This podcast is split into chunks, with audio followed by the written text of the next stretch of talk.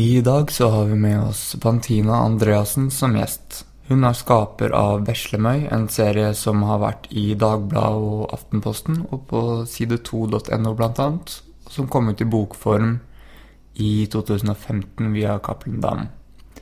Vi prater i episoden om hvordan det er å være en kreativ person i dagens samfunn, men vi snakker også om dagsaktuelle saker. Vi prater om ting som korona og Trump. Eh, Riktignok før han fikk korona, for vi spilte inn episoden her før det. Eh, Vi snakker også om filosofi, eh, forskjellen mellom determinisme og ikke-determinisme. Vi snakker om dyrs bevissthet, hva bevissthet vil si, og vi snakker om arketyper. Generelt sett så har vi en eksperimentell og leken samtale som går gjennom mange forskjellige temaer, men det her var et lite utvalg av det vi kommer inn på.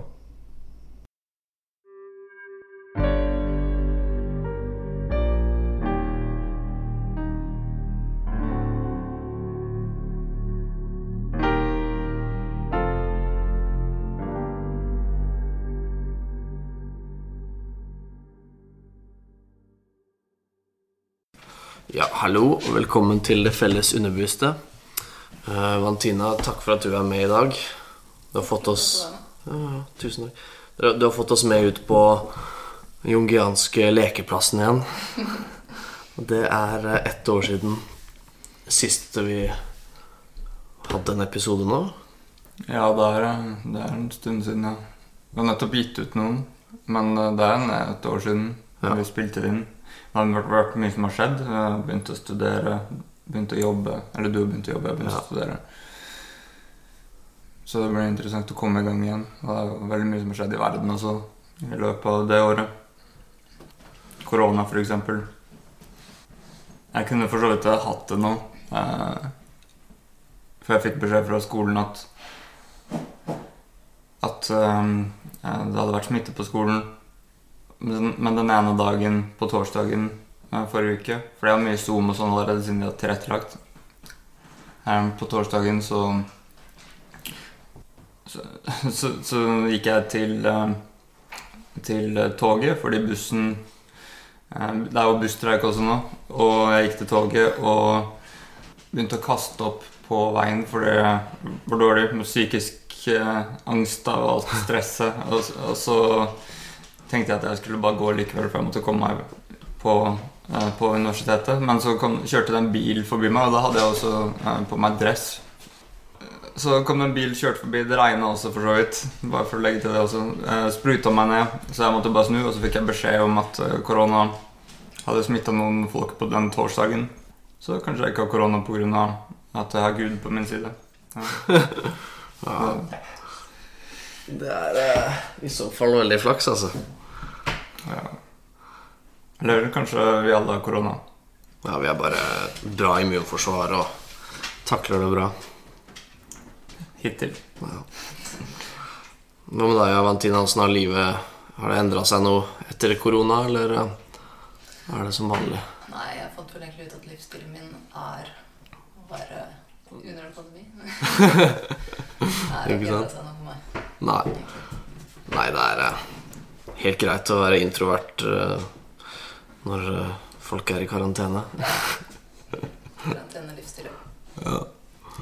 Og åssen tempen på samtiden Er det noe dere har lyst til å si i forhold til eh, tiden vi er i nå? Liksom? Siste Noe som dere har tenkt på som har skjedd, eller?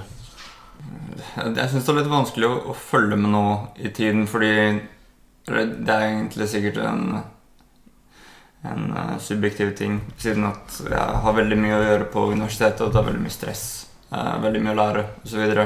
Men det kan også være at jeg plukker opp på at folk generelt sett har blitt litt mer lei av hvor forutsigbart alt er med, med Trump og med, altså med politikken. Det har alltid vært uh, opposisjon mot politikere, og alltid vært noen som ikke har brydd seg og sånn. Men det føltes ut som det var en stund kanskje at flere og flere begynte å bry seg om mer og mer, og så at det har falt tilbake til eh, til, til egentlig under hvor det var i utgangspunktet. Men det kan, ja, det, det kan godt være også at det Og at folk er mindre interessert.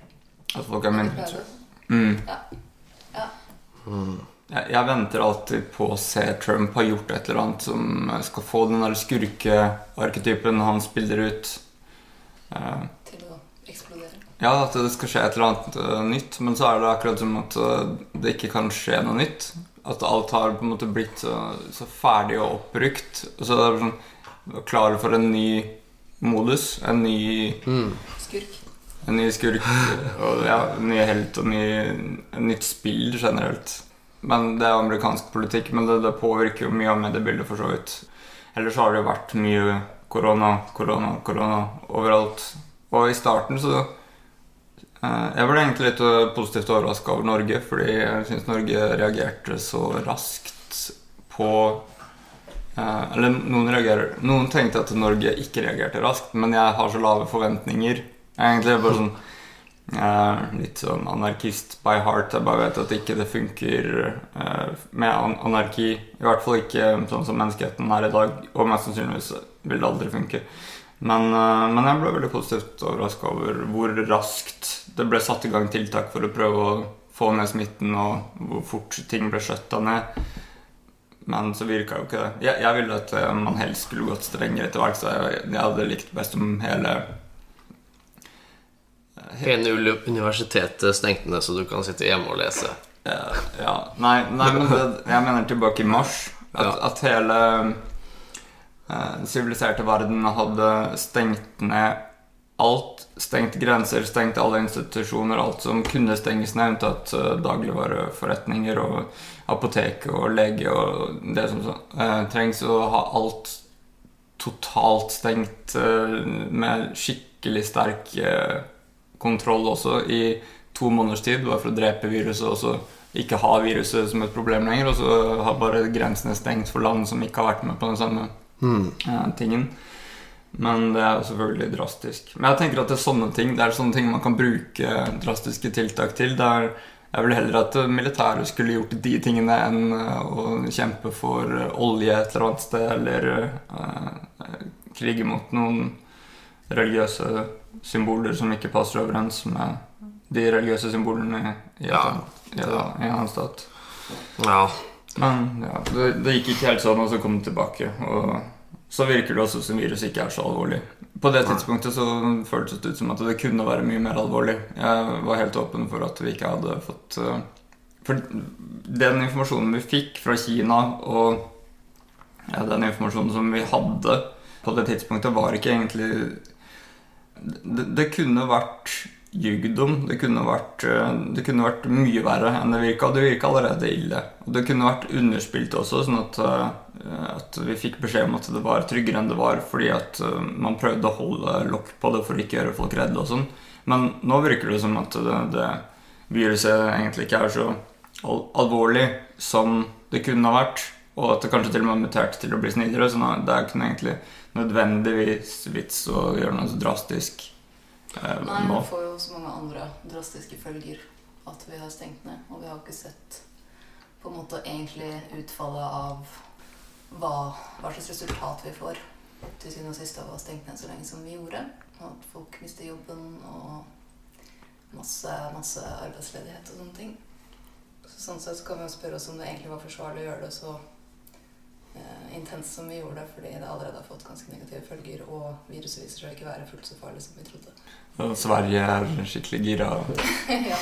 Mm. Jeg har ikke lest hva, hvordan det er med Sverige nå, men Nei, Jeg vet ikke akkurat hvordan det er nå, men eh, det virka som at de lå ganske langt eh, nede i respekt fra andre land pga. Ja, hvordan de absolutt. opererte. Og så plutselig så var det spredd overalt igjen, og så var det sånn at den flokkmentalitet Nei, eh, herd, eh, hva heter det? At, at alle skal få immunitet, flokkimmunitet-prinsippet, kanskje var en smartere langtidsstrategi. mm. Hvis man får immunitet, for det har vært snakk om at man kanskje kan få det på nytt, og at man ikke får immunitet. Men hvordan erfaringer har du hatt i ditt liv med den lockdown-tiden vi har hatt, den på en måte andre formen for eh, den, den nye formen for livsstil, da? Hvordan har livet ditt uh, vært? Hvordan har du opplevd korona? Nei, som sagt, eh, ikke opplevd det så intenst som andre fordi Jeg var i Spania og levde på en gård uh, så langt unna folk allerede, så jeg var liksom i en isolert tilværelse. Så det føltes ikke som å gå inn i noe nytt, sånn sett. Annet enn at man merket det når man var på butikken og måtte ta forhåndsregler og sånn. Hvor i Spania lå, lå gården? Arenas heter det. Det er i nærheten av Malaga. Ja. Ganske langt sør. Og der har det vært minst mm, sånn utvikling også da i forhold til Det er jo i nord i Spania at det har vært ekstremt mye Ja. spredning. Ikke så, sant? Så veldig mye mindre der, da, selv om det har vært noen der også. Men de tok det jo mye mer seriøst i Spania enn de gjør Eller virker å gjøre i Norge. Alle bruker jo masker der, og, og politiet var liksom fremme og guidet folk og hindret folk i å dra for langt og sånne ting. Det var liksom Det var ganske Hands on. Ja, det føltes ganske ekstremt. Det var litt ubehagelig også, egentlig. Ja. Men så virka det ikke det heller. Så Eh, nei, det virka jo veldig bra. Og så åpnet de opp for tidlig. Eh, Visstnok, da. Men det er jo sikkert potensielt bare noe vi innbiller oss også, at vi åpnet opp for tidlig. At, liksom, at det kanskje ville kommet noe rebound-faktor uansett. ja. Nei, ikke sant. Hva med deg? Hvordan har du egentlig opplevd det? Så når vi først er inne på korona Ja, nei, jeg føler det sånn som, sånn som dere, altså. At eh, jeg tror vi, har- vi alle tre som personer har eh, vært glad i å bruke tid for oss selv. Eh, Fra egentlig ganske tidlig av. I skole, fra skoletida og liksom i forhold til andre barn. Eh, Så jeg tror vi Ja, vi, vi trives. Vi trenger å lade opp for oss selv. Og Ja. så mye tid som vi kan få til å lade opp og tenke og reflektere og sånn, så, så For jeg tenkte på det at eh, det hadde vært interessant å eh, Siden podkasten vår heter Det felles underbevisste, og litt ironisk nok så har vi vært ubevisste på å beskrive akkurat hva underbevissthet er. Vi har liksom snakka Underbevissthet og det felles underbevisste har på en måte flytet mye gjennom alle samtalene vi har hatt og sånn. Men det hadde vært veldig kult nå som eh, vi har deg som er veldig interessert i Jung, så hadde det vært gøy å snakke litt om underbevissthet, og også i forhold til korona og dette med at hvorfor eh, folk får veldig sånn emosjonelle plager da, av å måtte være for mye for seg selv. ikke sant? Hva betyr dette for befolkningen? Og Har du lyst til å begynne litt? Noe du vil si om det? Eller?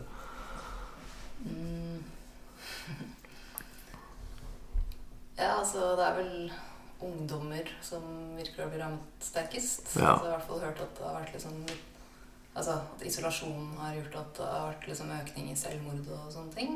Ja. Så det er vel en effekt. Men det er jo litt, litt merkelig kanskje med tanke på sosiale medier og sånne ting at vi er så connecta egentlig uansett. At uh, den fysiske avstanden skal påvirke så sterkt på psyken. ja. Det er interessant. Det er, det er liksom Virker som det er noe man får fra å møtes eh, face to face. Noe med Selv om man kan skype også, så er det noe med det å kjenne energier fra hverandre. Da, fysiske energier, altså signaler som man sender ut. At det er en ting som er viktig for mennesker å liksom kjenne på. Da. Jeg er alltid litt skeptisk til media.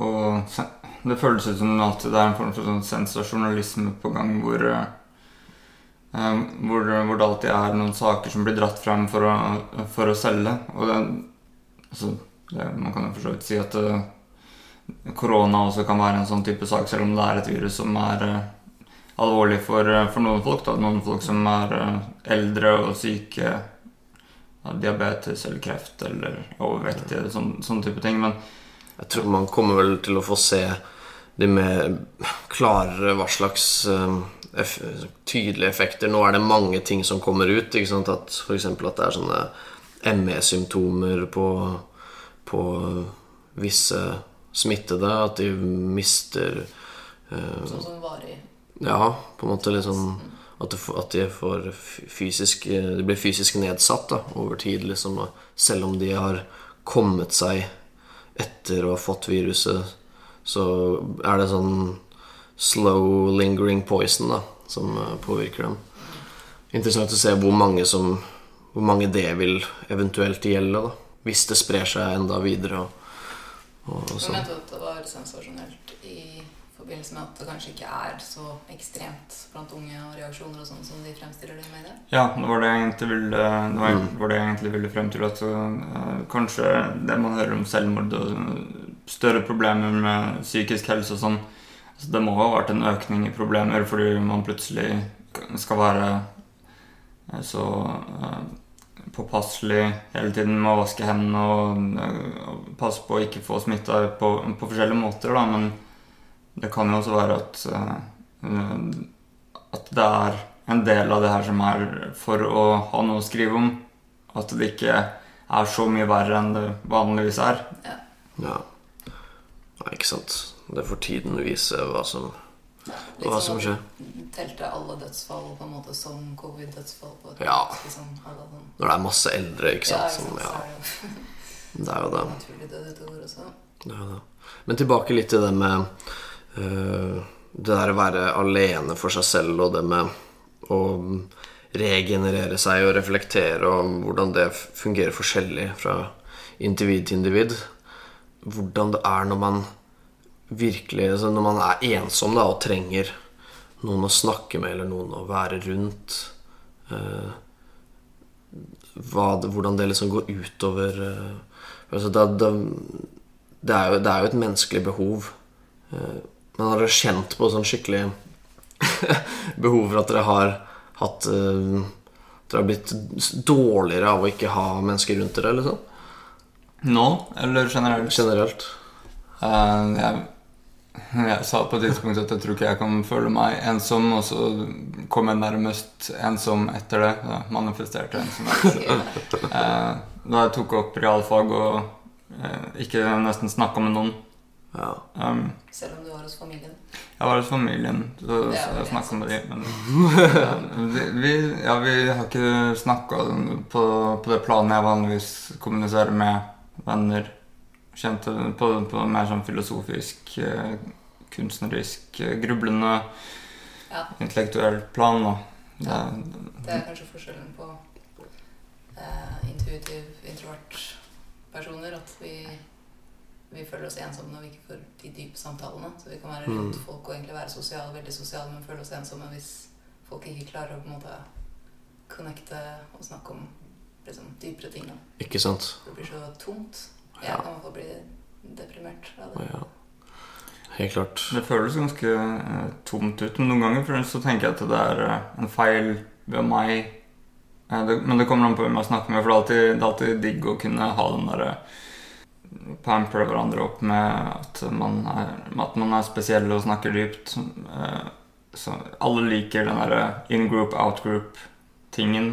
Men man, så kan man også se det fra dem sitt perspektiv at vi er veldig sensitive og rare mennesker. Men, men det er fortsatt en forskjell, så det går an å snakke om det uten at det skal bety noe positivt eller negativt. Bare noen får enklere oksytocin og connection-følelse av å bare se hverandre, være rundt hverandre og bare prate. Og er kanskje mer i korttidshukommelsen, mens andre er mer i langtidshukommelsen og driver og grubler over ja, mer underbevisste ting og, og også lange lange um, idé, det Altså idékomplekser som henger sammen med andre idékomplekser.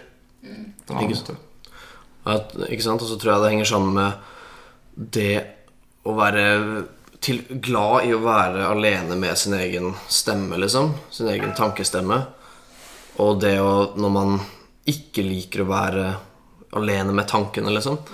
At jeg føler at eh, sånn personlig så Det kan være tidspunkter hvor jeg er litt lei av, egen, av mitt eget hue, men jeg, med, jeg kan alltid greie å meditere meg til et annet tema, eller liksom videre, da, sånn at det blir noe mer interessant. Og da er det gøy å være på, liksom, i, med tenketanken sin.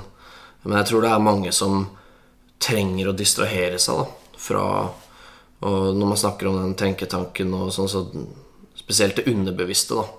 Grunnen til at jeg tror folk sliter med å være alene for seg selv, er at de må være alene med underbevisstheten, da.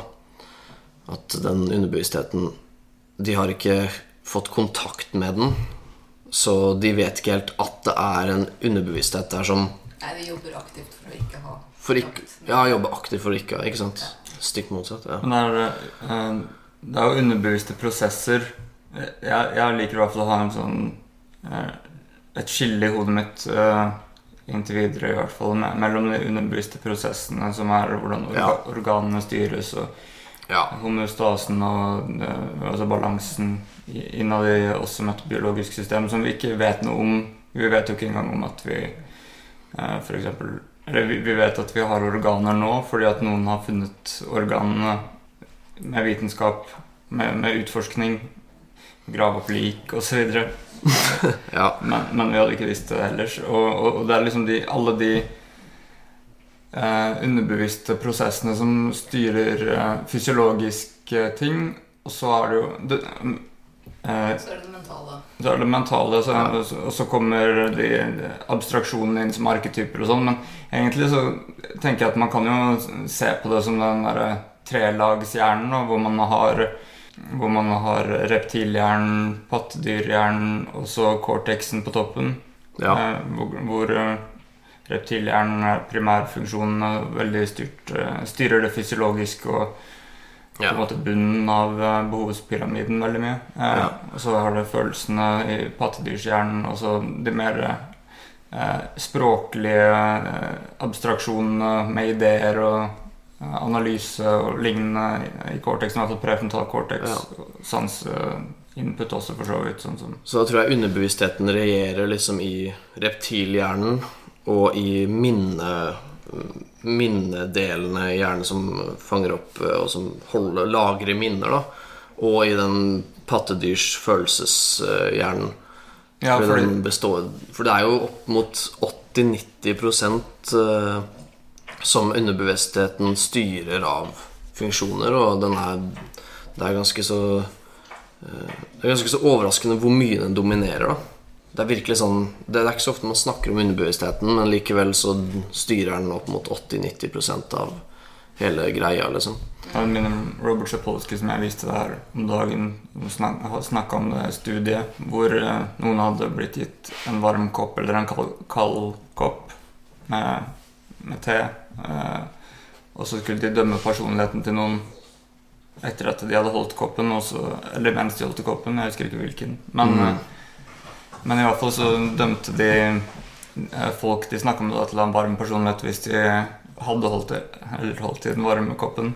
Ikke sant? Og der er det underbevisste prosesser som eh, Assosierer. assosierer og styrer over den logiske. Fordi den logiske vil si fokuser på personen, hva han sier nå. eh, og høre om det er noe interessant som personen kommer med, mens eh, underbevisstheten og hele den bare Nei, koppen er, eh, koppen er kald. Ja. Det her er ikke noe varm person.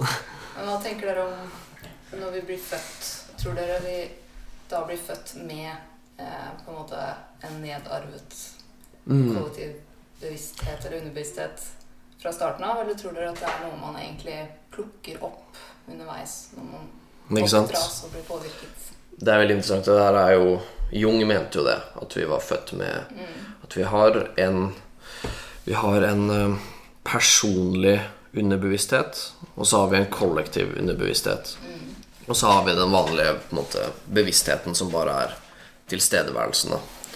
Og jeg tror også at vi har med oss et uh, altså Bare sånn in instinktivt og kognitivt så har vi allerede med masse instinkter og epigenetiske ting. Og jeg tror også at det er noe med symboler og felles symboler, felles fortellinger, felles sånn referanser og myter som er med i Jeg tror absolutt det også. Ja, og det, det er det jo hvis man eh, Hvis man rasjonaliserer det, fordi man ser jo bøkene. Man kan lese bøkene. bøkene blir, mange av bøkene blir lært deg i skolesystemet til bra eller dårlig grad. Det varierer vel litt på skolen og tiden man lever i osv. Men, uh, men uh, det er jo noe også som Hvis man tenker på epigenetikken, at, at organismer kan forandre seg over generasjoner ved, ved å aktivere visse gener som forandrer organismen, og det kan gå tilbake. Sånn, sånn program som blir skrudd på, som nedarves. eh, pga. et eller annet som har skjedd i omgivelsene, og at det kan vare i flere generasjoner. Det, det er jo ett et lag. Et annet lag er jo det at det faktisk også skjer mutasjoner som, som blir vedvarende, og som, som kommer til å påvirke de neste generasjonene kontinuerlig. eh, Så, så lenge det ikke på en eller annen måte skrus av, eh, eller, eh, eller, eller noe sånt. Men, men det krever jo en veldig, veldig dyp og kompleks innsikt i eh, nevrologi for å eh, og ikke bare nevrologi, biologi generelt, for å skjønne de her tingene veldig bra. Og jeg, jeg er selv ikke i nærheten av å starte å scratche overflaten engang. Jeg har nettopp begynt med bachelor i biovitenskap, så jeg, jeg, jeg, jeg syns det er vanskelig. Men, men jeg har alltid likt å leke med ideer og ikke følt at jeg ikke kan snakke om noe bare fordi at jeg ikke er ekspert på det. Og det er jo også litt som vi har snakka om som en idé for, idé for podcasten vår, at vi skal bare kunne reflektere og synse litt og komme med eh, fantasi eh, Altså kreative fantasier om hvordan ting kan, heng- kan henge sammen og sånn. Eh, så, så man må egentlig bare kjøre på. Eh, Fortelle om opplevelser og erfaringer man har. Og, men Jeg eh, har lyst til å spørre om, eh, om det du nettopp snakka om, om det var eh, at visse hendelser kan liksom påvirke psyken til å, til å på en måte bevege seg bakover til en mer primitiv subconscious state istedenfor å være mer eh, moderne. Eh, ja, f.eks. hvis det er lite ressurser og mye krig, underernæring, så kan sånne type faktorer påvirke epigenetiske forandringer som kan vare i flere generasjoner. Og da. Ja, man må jobbe med de traumene som forfedre har eh, hatt. da Ja, at, eh, at det er en ting som har skjedd så mange ganger, krig f.eks., har skjedd så mange ganger at vi kanskje går inn i en sånn automatisk respons som er opplært fra Eller ja, Ja, som et program. Patent, liksom. Ja. Mm. og det, det kan man jo lage en abstraksjon fra å kalle en, en del av et arketypekompleks. At det på, på en måte tilhører energien til en krigsgud. Ja. Mm. Sånne type kreative koblinger syns jeg er veldig interessant å, Mm. å komme med. Og jeg føler ikke at de egentlig går i opposisjon til det vitenskapelige heller. For det blir bare å se det i et annet perspektiv, fra et annet lys. Så det tar ikke noe vekk fra virkeligheten. Eh, det bare skifter fokus og maler det litt annerledes på en måte som jeg syns er veldig interessant, og som egentlig bare legger til eh, en sterkere dybde. Mm. Noe kjøtt oppå skjelettet til strukturene, på en måte. Det er jo det. Og ja, når man ser på kulturer på forskjellige steder på jorda som ikke har vært i kontakt tidligere, f.eks., som kommer opp med, med veldig like symboler og mange, veldig like myter, og da er, da er det jo tegn på at eh, det er felles, eh, en felles eh, underbevissthet, da. Som eh, Og, og som eh, det når man får bilder i hodet eh, i kontakt med andre mennesker, eller Drømmer. Drømmer, ikke sant, når det er sånne Og synkronisitetsfølelse og sånne ting. Det er eh, Og det at vi fundamentalt sett er like også. At vi Ja. kan kjenne oss igjen i hverandre når vi snakker sammen. Det er så mange felles, felles tanker og felles følelser og trekk som egentlig er litt absurd med tanke på Mm. hvor stor avstand og hvor lite vi kan ha med hverandre å gjøre. Så er det fortsatt en eller annen core som vi alle deler, Ja, som på en måte kan forsvare en sånn ja, da. Og hvis, ikke og hvis man zoomer ut, så er man jo veldig mye nærmere hverandre, og vi er jo egentlig det eneste vi har, eh, er jo hverandre. Hvis man zoomer ut i universet, så er det Ja, hvor det Eh, Jeg vet ikke når eh, Når man finner neste intelligent som man kan relatere til, men Ja, Man kanskje lever utover i dimensjoner istedenfor å bare zoome i. Ja, i lysår. Ja. Ja. Hvor de tre første dimensjonene er, er den, den vanlige høyden, bredden, dybden. Eh, Så kommer tid i tillegg. Og, og ti, eh, jeg tenker også den fjerde dimensjonen sånn sett, Hvis man snakker om tid, så trenger det bare å være tid um, som et eh, eh, som, som et konsept relatert til klokka uh, utelukkende, da, men, men det kan også være Rangering av hendelser. ja, og, og sånn sett så har jo vi en evne, vil jeg si, eh, til å reise i tid gjennom å skrive ned og, eller filme eller tenke tilbake, tenke forover. Det er også den abstraksjonsevnen at vi kan planlegge, at vi kan skjønne hvordan ting henger sammen, at vi kan eh, se eh, cause and effect, hvor vi Mm. kan Mm. bestemme oss for at vi vil oppnå noe ved å ofre noen ting for å oppnå den tingen. Eh, Men, men også på at vi kan lese en bok fra mange hundre år siden, eller tusen år siden. Eller, eller evnen vår til å forstå naturen enda dypere enn det også ved å forstå vitenskap og kunne skjønne hvordan stoffene eh, opptrer og kan finne ut som, som i geologi hvor, eh, hvordan et område så ut for mange mange mange tusen år siden basert på hvordan noen stoffer har eh, blitt påvirka, som karbondatering uh, f.eks.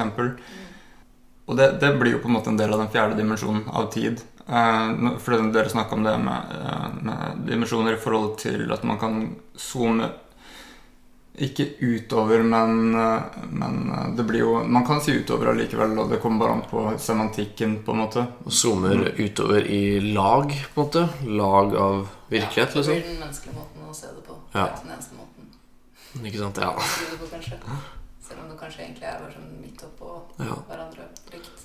For dette er jo ting som altså, ja, Terence McKenna for eksempel har jo snakket om dette at, eh, at han faktisk lenge liksom han, han, han blir aldri kvitt den følelsen av at de eh, alvene eh, Mekaniske alvene i DMT-trips At uh, han greide aldri å bli kvitt den uh, intuisjonen om at de er fra en annen dimensjon, og at de connect, kommer seg gjennom til personen som tripper sin bevissthet gjennom uh, liksom bevissthetsfrekvens. da Sånn at man er på en annen bevissthetsfrekvens når man tripper, og så får de Å, nå har vi en som tripper her på jorda, og vi connecter gjennom han. Så, og så kommer de og skal vise gavene sine og hva du At um, gjør det og det og Det er kanskje femte dimensjonen. Ja, ja ikke sant. Det er veldig spennende.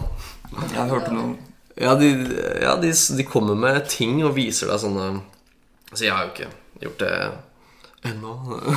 Men uh, det, Ja, de kommer og liksom uh, Ut ifra hva Trip Reports sier, så kommer de og viser sånne små lysende ting og ting som liksom eh, Ting som beveger seg sånn både mekanisk, men også sånn organisk som en, som en mekanisme. Sånne små uh, gjenstander, da. Og selv så driver de mekaniske alvene og uh, beveger seg på en merkelig måte og liksom teleporterer eller Det er veldig mye forskjellig som sies, da. Men ja. Det er antageligvis så mye lost in translation der at, det, ja. at vi på en måte ikke kan ane eh, hva det føles ut som, for det er sikkert hvordan de egentlig ser ut, eller noen ting, nei, ikke. Jeg hørte, jeg hørte noen forskere på Imperial College London for uh, noen, uh, noen måneder siden hadde gitt ut uh, en podkast David Nutt, som var en professor i England som, som har jobbet en del med eh, rusforskning. Eh, Kategorisering av fare ved forskjellige rusmidler og lignende. Og de, de forska på DMT. Og de, der hadde de flere det, det kommer sikkert til å bli publisert snart, hvis ikke det er publisert allerede. Da, men det, der intervjua de annet eh, noen Det var vel en, eh, en nevroforsker, eh, en dame som hadde vært med i forsøket, og som snakka om encounters med uh, mer intelligente skapninger på, på den andre siden. Det er en veldig um, gjengående uh, det er et gjengående fenomen som, uh, som eh, folk som har eh, brukt eh, DMT, rapporterer. Mm. Um, jeg, jeg har ikke heller prøvd det selv, med mindre man prøver det hver gang man eh, drømmer. Eller, eller ved uh, nærdødende opplevelser. For jeg holdt på å drukne da jeg var liten, så kanskje jeg, jeg fikk litt uh, DMT da. Jeg vet ikke. Men nei, uh, det, det, er, det er jo ikke helt bevist at det vil utløses når man dør eller når man drømmer heller, men jeg er ganske sikker på at det er funnet uh, Det er i hvert fall en lignende beskrivelse av at når du drømmer, så De tingene du opplever når du er i drømmeland Når du kommer tilbake, så er det bare en, en oversettelse da, som hjernen din gjør av de inntrykkene du fikk, som man drar da ned til alle symbolene og alt som vi kjenner til her, men at det ikke nødvendigvis er noe annet enn en tolkning av det som skjedde på den planet. da. Ikke sant?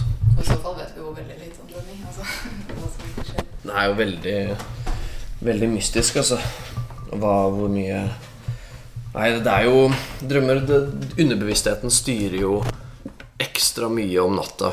Når man sover, så er underbevisstheten eh, veldig aktiv. Fordi den er aktiv på dagtid òg, men da lar den bevisstheten uh, og liksom den rasjonelle delen av hjernen få ha litt mer av showet, fordi du skal jo gjennomføre mer praktiske ting og liksom uh, ta vare på deg selv og fungere i hverdagen. da Men om natta, da er det underbevisstheten som styrer showet, og da er det rett og slett innholdet i underbevisstheten din som, som eh, blir til eh, filmer, da. Og det er Drømmer. det som skjer når vi tripper òg. Altså, at det er Ja. bevisstheten som begynner å ta over fordi alt sånn praktisk Ja. menneskelig blir veldig vanskelig. Eller virker veldig rart. Ja, du skrur jo ned veldig den rasjonelle og Ja. logiske delen. Og så forstår du ting på en annen måte, eller du er mer i kontakt med ting du har fortrengt. og sånn, for eksempel. Folk Ikke sant? tar jo opp veldig mange traumer og sånne ting. Ja, så jeg tror også det er eh, forskjell på folk i hverdagen i våkentilstand på dagtid. Noen som er mer i kontakt med underbevisstheten sin og lar noe av den samme drømme Altså at man dagdrømmer, da. Det er jo også et fenomen. Eller at man er veldig sensitiv sånn, også. Eh, Ja. Det som passer inn med å dagdrømme, men som også kan være sånn at man eh, er er dårligere til å undertrykke ting som oppstår. Som hvis man får vondt i magen, så kjenner man det veldig godt. Mens Mm. noen som ikke er så sensitive, kanskje kan ha den samme følelsen, men kunne stenge den nede Ja. og, og fortsette å gjøre det de skal, fokusere på det de skal, uten at det plager de like mye. Eh, men eh, med, med det underbevisste sånn sett, så syns jeg de, de fysiologiske prosessene er jo veldig interessante også, og de driver jo materialet oppover gjennom følelsene og så opp til cortexen eh, Eller det er ikke så, det er ikke så eh, enkelt, men eh, det noen ganger er det eh, så enkelt. Jeg bare kommer til å tenke på hvordan cortexen også styrer mange, mange av sansene våre først, eh, som eksempel eh, occipital lobe bak, som styrer den, den informasjonen man får gjennom eh, synsnerven. Mm. Eh, hvis det hadde vært så enkelt som jeg sa, så hadde jo det f.eks. vært i reptilhjernen. Eh, ikke i, i en del av cortexen. Men uansett, det, det, blir, det, det blir veldig mye å spekulere på på det planet der. Eh. Så det er veldig interessant å prøve å få en én-til-én-mapping, korrelasjon mellom eh, den mer flytende filosofiske eh, visdomstradisjonen og eh, personligheten og den mer vitenskapelige, faktabaserte, empiribaserte Mm. eh, personligheten. Men eh, det er også vanskelig. for det, det jeg tenkte på med, med underbevisstheten nå, var at den jungianske eh, oppdelingen og tolkningen av underbevisstheten er på en måte en en annen form for abstraksjon for meg, hittil i hvert fall når jeg tenker på det, enn eh, en, Hjernedelene. Ja, på en måte. Ja, ja, ikke sant? Fordi Det, de han- mentale, li- det handler mer om det mentale livet, da, ikke, Ja. om, ikke om det, Det er et lag. nevrokjemiske. Mm. Ja. Det er ett lag. Ja. Ja. jeg tenker også på det et Eller ser det liksom bare for meg som en eget helt eget realm Ja. måte, som, vi kan, som vi har tilgang på, men som eksisterer utenfor oss. Mm, Men som vi er koblet til. da At alle er koblet til det samme. Men, og at internett på en måte er en sånn Riktignok en conscious, men en, en kollektiv bevissthetssamarbeid på et digitalt plan.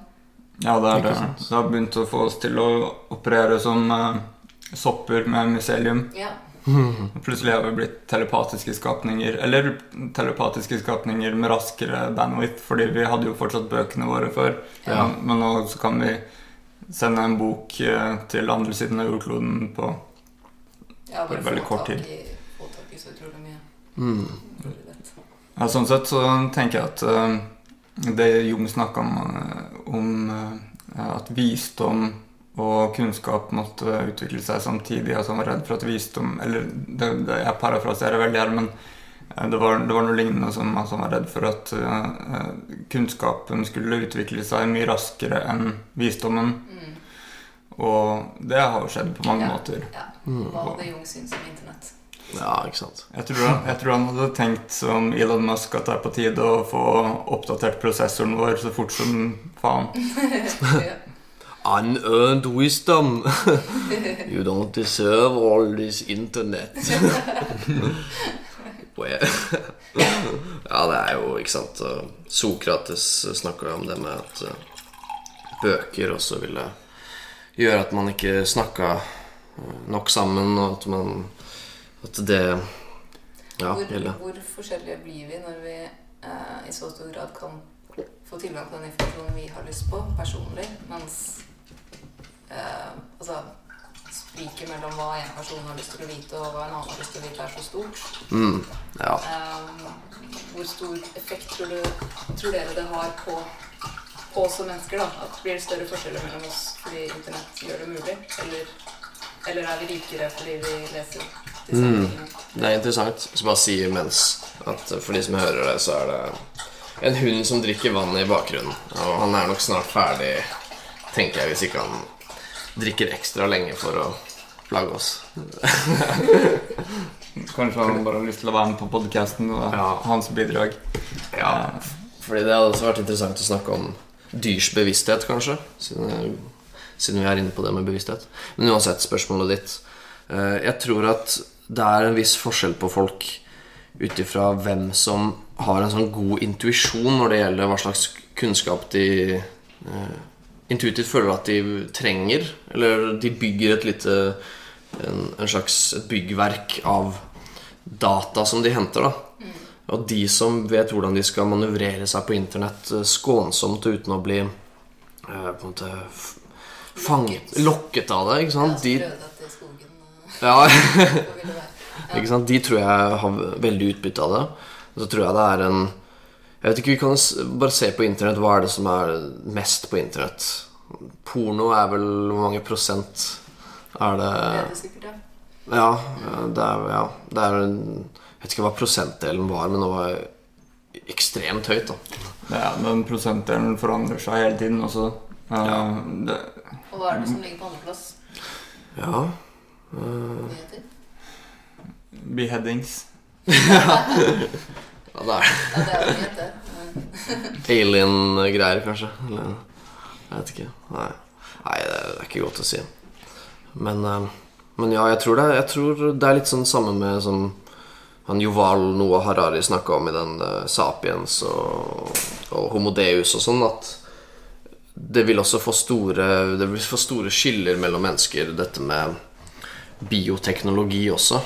Og at eh, man kommer til å få en ny adel som har Som endrer eh, Som endrer rett og slett eh, fysiske tilstanden din. Da. At du får cyborg-armer og Ja, en ny form for overklasse og underklasse, som ikke handler om penger, men som handler om mentale, Ikke sant? mentale krefter. Mentale krefter.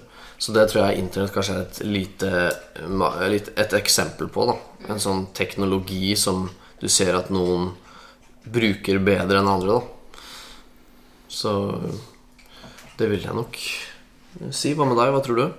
Um, jeg, tenker, jeg tenker litt i samme baner at, uh, at uh, man kan se det på den måten. Angående akkurat hva det gjør uh, for positivt eller negativt, uh, vet jeg ikke. Uh, det er jo en veldig enkel uh, sånn konklusjon å prøve å finne ut av Eller det er enkelt å begynne å stille seg spørsmålet om er det mest positivt eller mest negativt. Og uh, det er uh, det er på en måte litt som menneskelig historie og kultur, eller natur generelt. Det er, det er, så, det, er så komplekst og så mange fasetter at det er vanskelig å, å liksom komme med to streker under svaret der. Eh, Det er noe som vil mutere ut av det, og så er det noe som kommer til å dø ut av det. Vi må sammenligne på en måte med sånn malen har vært nå de siste, Mm. ja, den siste historiske tiden. At uh, vi har gått på skole og egentlig blitt servert veldig mye av den samme informasjonen. Eller har blitt Mm. liksom streamlined, og så alle måttet gå gjennom det.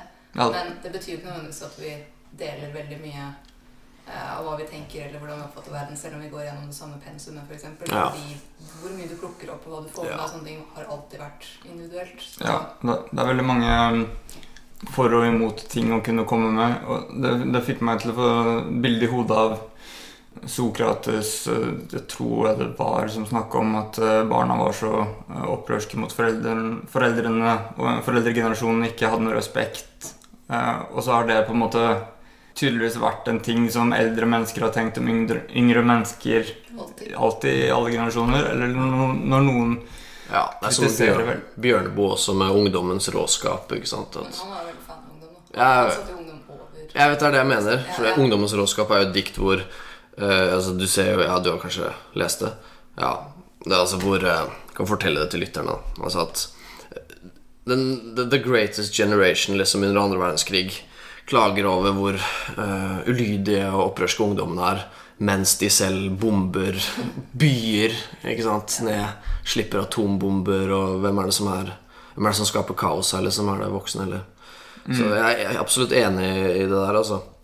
Så tror jeg det er jo kanskje Jeg tror, jeg tror egentlig kanskje det er mer sånn markeder og litt sånn materialisme, eller litt sånn fordummende materialisme som påvirker Det er egentlig den jeg er mest redd for, ikke at unge blir opprørske eller, eller sånn. Det syns jeg egentlig er mest positivt. Mer at de tar til seg utrolig Mye sånn dårlig informasjon, Ja. som baserer virkelighetsbildet sitt ut ifra det. Jeg tenkte også på den der um, ideen om at unge uh, Eller mennesker i dag sitter på bussen eller toget eller sånn med, mm, med mobiltelefonen, og alle stirrer inn i en skjerm. Eh, og, og hvor mye eh, kritikk det har hatt. Og det har vært en meme som har gått eh, på rundgang, det også. Men så Før satt man jo med avisen. Det har vært bilder av det at noen satt med avisen, eller at noen satt med en bok. Så det trenger ikke nødvendigvis å, å være negativt, men det dere snakker om også, om, om akkurat de inntrykkene man får inn. Mm. Etterpå i avisen og bøkene er det kanskje overall da et litt høyere på en måte, kvalitet av innhold. Eh, Eller potensielt veldig dårlige nyheter som Ja. man fôrer med hver eneste dag. det kan også være. At det kanskje hadde vært bedre å sitte og snakke om været med passasjeren Ja, ja. ja. Ja, altså, folk har jo blitt inspirert av diverse bøker til både kriger og selvmord, så vel som positive ting. ja. Eh, og noen får jo også merkelige tolkninger ut av ting man ikke nødvendigvis ville forventa, eller, eller bare overdriver det og, og tar det for langt. Uh, uh, der er det jo ja, omstendigheter som ligger i bunnen, som, sånn at det funker mer som en trigger enn som at det er en bok eller en nyhet som kanskje ja. ja, er årsaken. Var det ikke snakk om uh, i antikken også at eh, å lese ville være farlig for eh, En gjengsmann, ja. Eh, Så, så man, man ender opp med å repetere det samme. Da. Så det, blir, det blir igjen og igjen og igjen den samme tingen. Så det er noe fristende med å prøve å, å bryte eh, den sirkelen, den, den spiralen. Men så går jo ikke det heller, så man må også spille med spille boka. Um, ja. Uh, ja. men nå, ja. nå kommer eh, Ludvig og hilser på oss. Skal vi ta det som et tegn at vi skal snakke litt om dyrs bevissthet, eller? Ja, asj, asj, asj. Ja.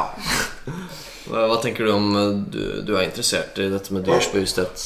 ja, jeg er det. Um, det er ikke så veldig lenge siden jeg leste en Wikipedia-artikkel om det. Hvor jeg ble ganske sjokkert over hvor kort vi har kommet i forskningen på det. Ja. Eh, og ikke minst hvor kort tid det er siden man på en måte egentlig ganske standhaftig eh, sa at dyr f.eks. ikke føler smerte. Da. Ikke sant. som jeg syns virker veldig teit. Hvorfor Ja. skriker de når de får vondt da? ja, men at de ikke føler smerte, hvorfor skulle de ikke føle smerte? Nei, det, det lurte jeg også på, da. Og jeg syns det bør være veldig lett å bevise. Men Og hvilke var- dyr? Mm, alle typer dyr så, som vi forsker på. For de har smertereseptorer. Ja. Altså, jeg tenker at At de ikke føler så like mye smerte som oss, eller at det er stor forskjell mellom smerten som mennesker. Man bare kunne ignorere det, da. Ja. At det ikke var noe de tenkte å tenke på. Ikke sant? mm. Det er ikke lenge siden. Ja, det kan godt hende at de ikke kan gruble over eh, smerte. Er litt som i meditasjon, hvor man kan komme til en sånn eh, forståelse av at den største smerten er ikke smerten i seg selv, men eh, å hele tiden innhente frykten for smerten fordi man, eh, man er redd for å ikke klare å holde ut et sekund til, mens man nettopp egentlig holdt ut i smerten, og man holder ut mens man tenker det også, så man er redd for det neste øyeblikket. Men dyr har den samme, de får den samme responsen som oss med at hvis de opplever smerte Altså I forskning sånn for eksempel, så unngår de De gjør alt de kan for å unngå det de nettopp opplevde. De husker smerten, de har ikke lyst til å oppleve den igjen. Mm. De opplever uansett uh, uh, smerten. Kanskje ikke noen, noen dyr med veldig, veldig uh, lite utvikla hjerner og lite ja, man skal kalle det dyr engang. Så hvis du tenker deg svampedyr eller noe sånt sånn- Ja. Altså Den nyeste forskningen virker i hvert fall å tyde på at langt flere skapninger enn det tidligere antatt, altså ikke bare skapninger, men liksom f.eks. stor hjerne og sånne ting, eh, har en form for selvbevissthet. Og det er gjort forskning med speil eh, for å på en måte se om dyr kjenner seg selv igjen, eller om de har noe selvbevissthet og er klar over seg selv. Da.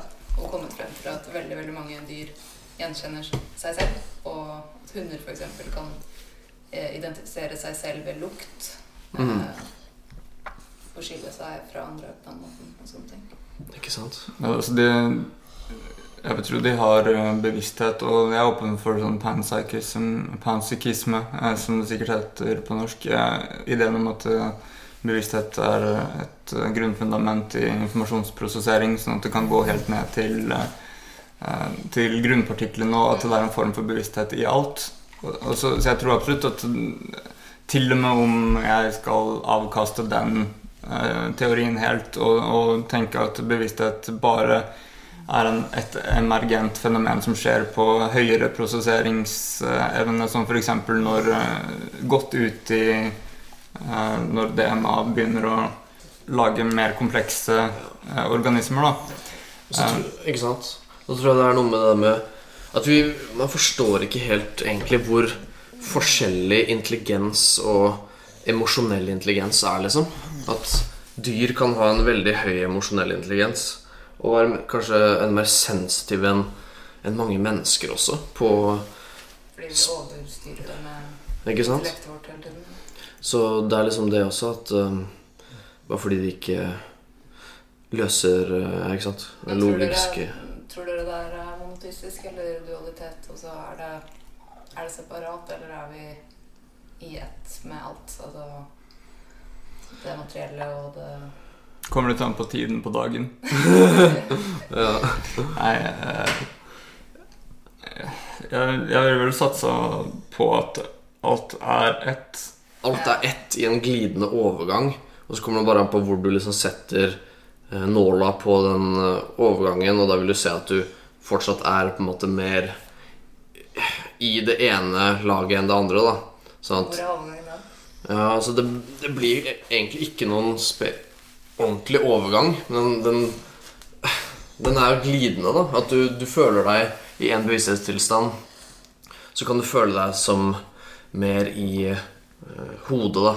Være mer i, i, eh, i hodet, og en annen kan du føle deg som at du er mer i kroppen. Men at egentlig er det jo eh, ett. Men det kommer an på hvor Det liksom, kommer an på om det er eh, eh, bevissthet som skapt av den kroppen du snakker om i utgangspunktet. Det er vel det som gjør det til ett, hvis det er tilfellet. Ja, Ja. ja, idealisme, filosofisk sett. At eh, Eller, ja, altså underkategori som for eksempel eh, gnostisisme eller eh, hermetisisme. Mm. Esoteriske tradisjoner. Tanken på at eh, et mind eh, er bak Matter. Ja. Ja. Um, Eller uh, matter er solidified mind. Mm. Eller manifested mind. det, Ikke sant?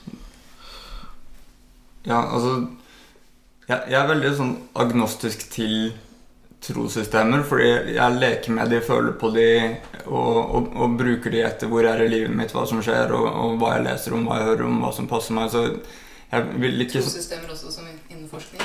Hva du tror på. eh, Trossystemer innen forskning. Mm. Altså for forskning er også en form for at man kommer opp med teorier, og så må man på en måte ha tro på det, men man prøver å utvikle dem hele tiden også. Ja, eh, Spesielt når det er økonomisk på en måte støttet, så vil forskning Du kan se på at kanskje forskning er objektivt liksom bare en prosess som kartlegger og finner ut, men menneskene skaper jo forskningen, og de trenger ressurser for å gjennomføre forskningen. Og da blir det på en måte trossystem og biaser ut ifra at de må ha en viss eh, De må gå en viss Utenifra, av penger og- av status og ja.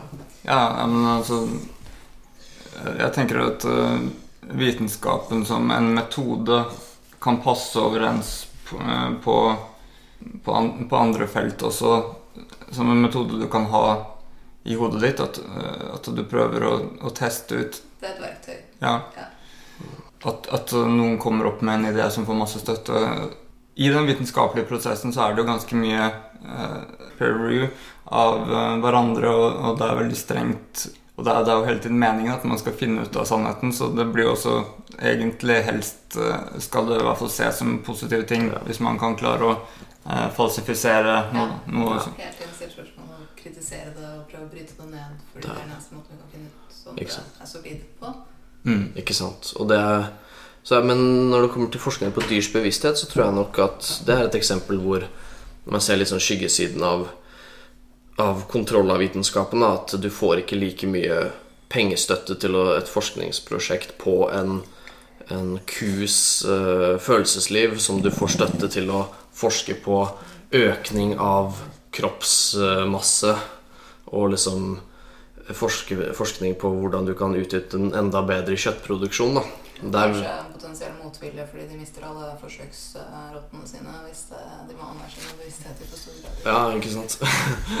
det er altså plutselig. Ja. ja, men for, jeg tenker at det er et stort skille mellom institusjoner og vitenskap, sånn sett. Så, altså, institusjoner har alltid eh, Agendaer. agendaer, ja. Og før vitenskap så var kristendommen stor rundt omkring her, og de hjalp jo ikke akkurat så veldig mye til eh, for dyr eh, som bevisste skapning. Altså at dyr ikke har en sjel, er jo en ganske eh, ganske kristen hmm. ting, så vidt jeg forstår. I hvert fall et produkt av kristendommen. Mm. Men sjel, sjel er jo også litt sånn utdatert nå. Men ting kan bety forskjellige ting. Jeg tenker sjel kan bety eh, consciousness, altså bevissthet. Og hvis sjel betyr bevissthet, så, Så ja, ja, men det, det er det jeg tenkte på i stad da vi begynte å snakke om det her spørsmålet. Fordi dyr må ha bevissthet. De har en opplevelse, og for meg så definerer jeg bevissthet som opplevelse. Jeg tenker Det er en ganske rasjonell måte å se på bevissthet. Det er bare en intern opplevelse av at eh, noe skjer. Mm. Og det tror jeg også er i planter, og, og kanskje helt ned til informasjonsprosessering på, på subatomisk plan.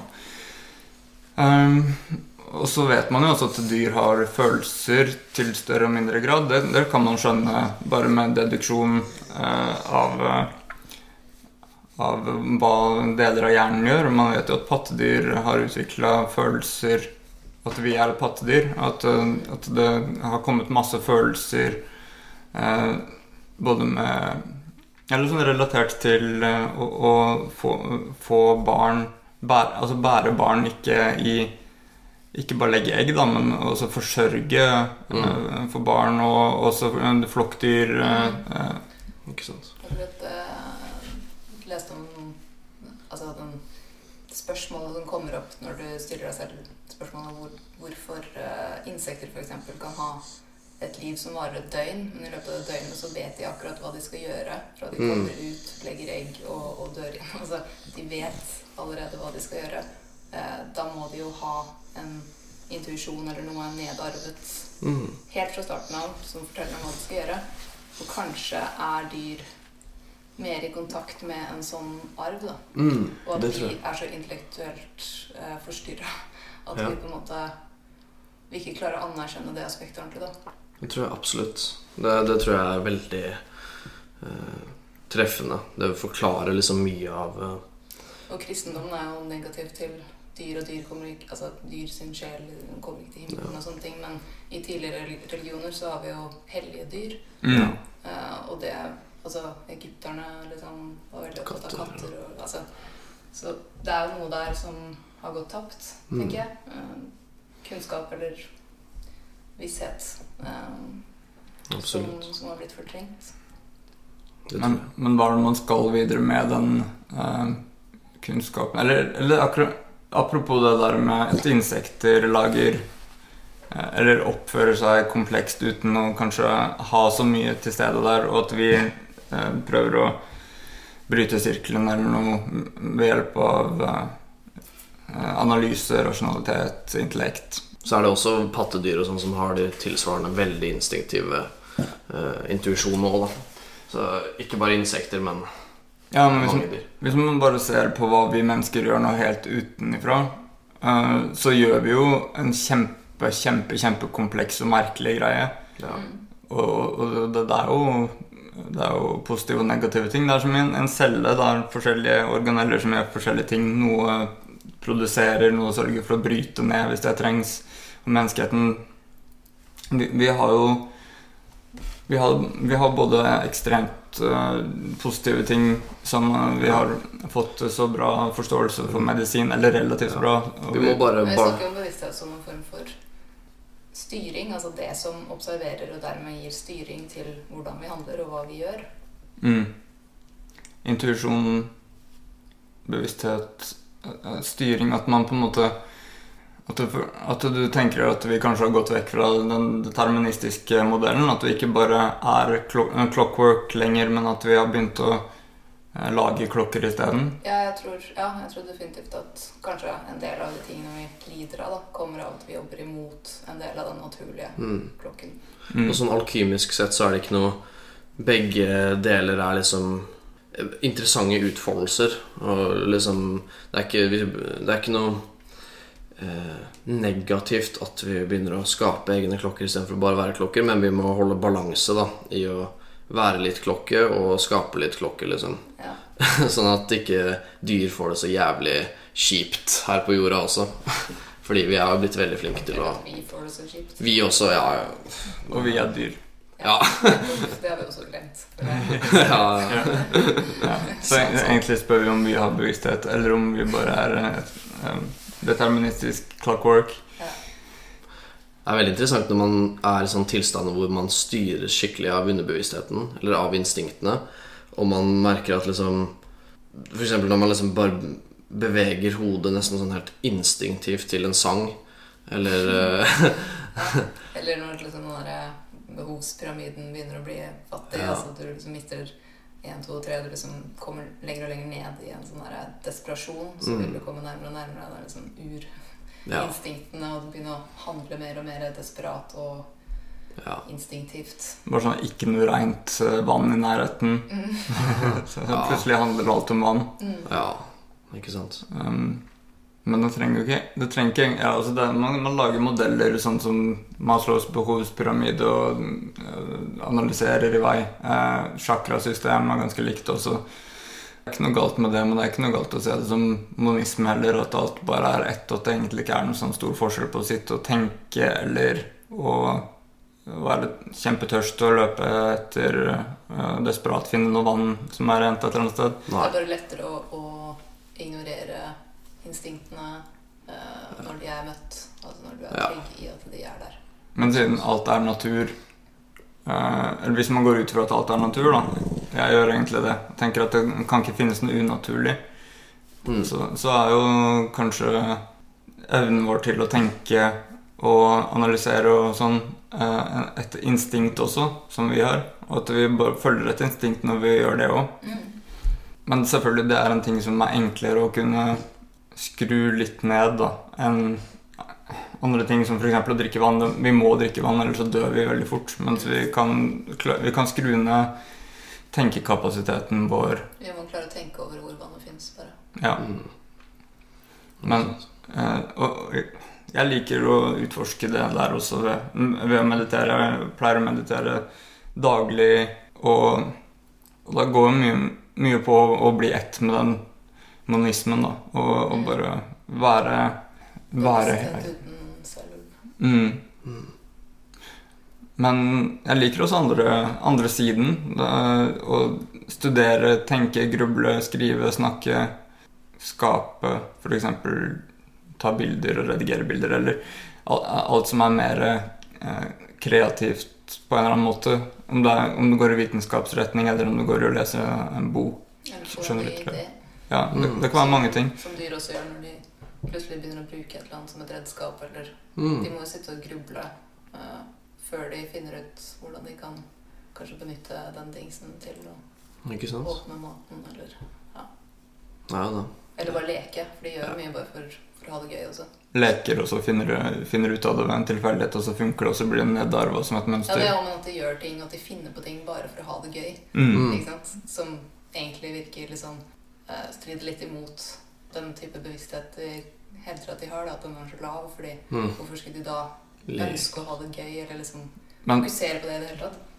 men jeg blir så forvirra av å si at bevisstheten er lav, Fordi da, snakker, da, da sier vi noe annet med ordet bevissthet. Da, når jeg sier bevissthet, så sier jeg noe annet enn når du sier bevissthet. Fordi hvis jeg tenker bevisstheten er lav, eh, da ville jeg kanskje tenkt at du bare Du kan gjøre akkurat den samme tingen. Du kan gjøre en kjempekompleks ting eller en kjempeamatørting. Du du det kan være den minst eh, komplekse tingen du kan se for deg. Eh, Du kan ha masse bevissthet. Du kan ha kjempemasse bevissthet i å bare sitte og puste. Eller så kan du ikke ha noe bevissthet tilsynelatende. Ja, ja. Hvis du er en maskin er som gjør kjempekompleks. det. Eh, Mm? Det er bare for å se bevisene, de fysiske bevisene på at det skjer noe mer i hodene på dyr, f.eks. At det ikke bare er vi som sitter med masse rare tanker og Og er liksom Fordi jeg tror vi snakker om bevissthet på samme måte. Jeg snakker bare om mer eller mindre bevissthet. Egentlig den forbindelse at man på en måte må godta at det er bevissthet i dyr, selv om man er superskeptiker. Men at de ser jo på det som en lesser form Og Ja. det Ja, ikke sant? Det er det er på en måte mindre av det på et vis. Ja, og det er sånn på en måte en, en sånn, også en grublende type person kan bli sett på i et mer sånn. Outback, ekstrovert Ja. sånn, ikke sant eh, Jeg vet ikke, et eller annet sånn Midtvesten, USA, hvor ja, hvis, du ikke, hvis du ikke vet hvordan du Hvis du, hvis du er ræva på å mekke på bil, da, for eksempel, Mm. og bilen er veldig sentral i kulturen, ikke sant, det er det du skal ta lappen ikke sant, når du er 16 i i eh, Kansas, ikke sant? og så skal du greie å mekke på den bilen, og du skal hente dama på første date i den bilen, og du skal frakte familien i den bilen, ikke sant? Og så sitter du kanskje med mange andre ideer i hodet, bare ikke den bilen, så, så vil jo folk se på deg som at du har en lav form for problemløsning og tilstedeværelse, fordi at det er ikke problemet eller ferdigheten som det er etterspørsel rundt, har ikke du peiling på. Så det er jo det som endres òg. Og dyr er ikke Dyr på en måte de De De- driver ikke med forskning. Nei, de deltar ikke i arbeidsmarkedet på den måten. Eh, Så da har de jo ikke liksom de eh, ønskede kortene å delta i spillet vårt med, da. Altså, I hvert fall for meg er det veldig tydelig at dyr har eh, personligheter. I hvert fall når man snakker om noe sånn eh, komplekst som en hund, som vi også har avla opp over lengre tid eh, med oss, sånn at de har utvikla oss. og, Ja, ikke sant. som har vært med å jobbe. Ja. Ja, det er sant. Det, det, har, det har de De hadde det før automatiseringa.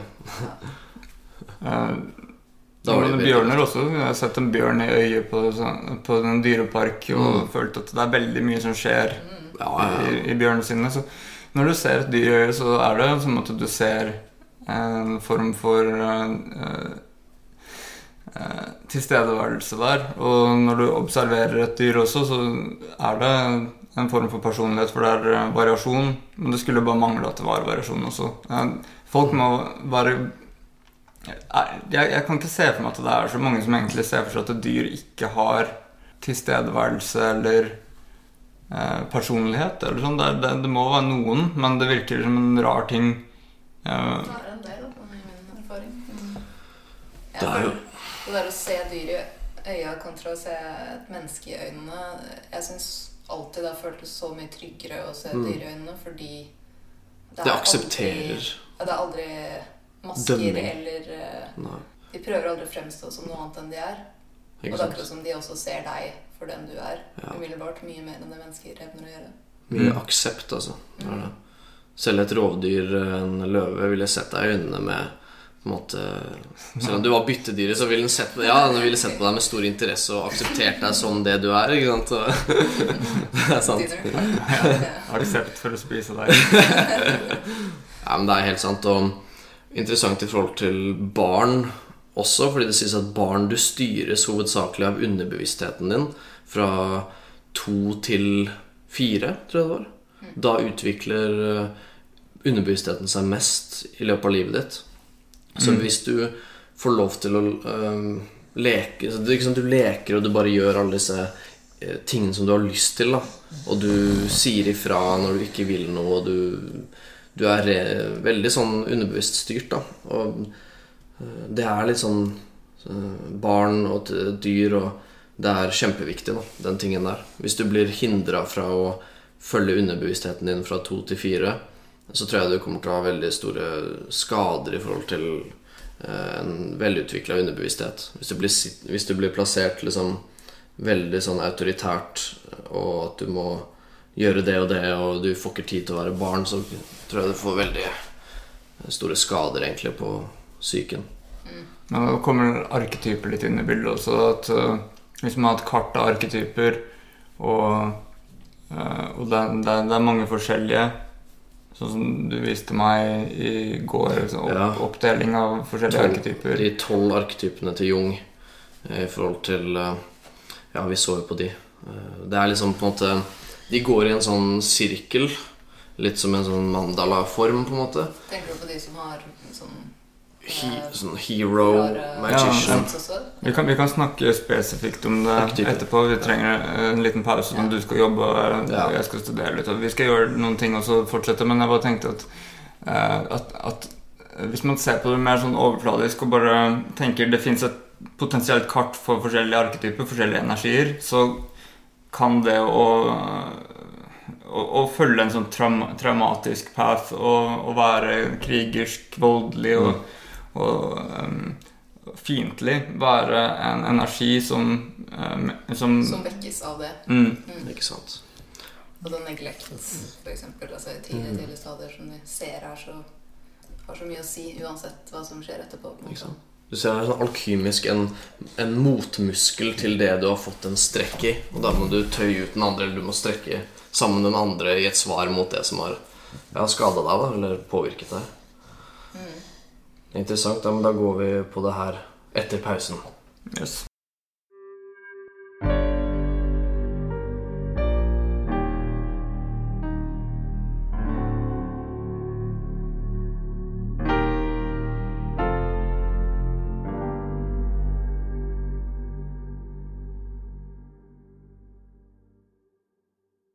Når du er glad, så, så er du glad, og da er du liksom på plussiden. Det er ikke det er ikke den største utfordringen for de fleste.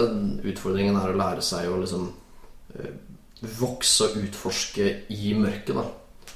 Og det fikk jeg veldig mye ut av når jeg leste den boka som du anbefalte, den eh, Black Sun. Mm. Det at man faktisk kan skinne eh, selv i, i mørket, da, som en svart sol.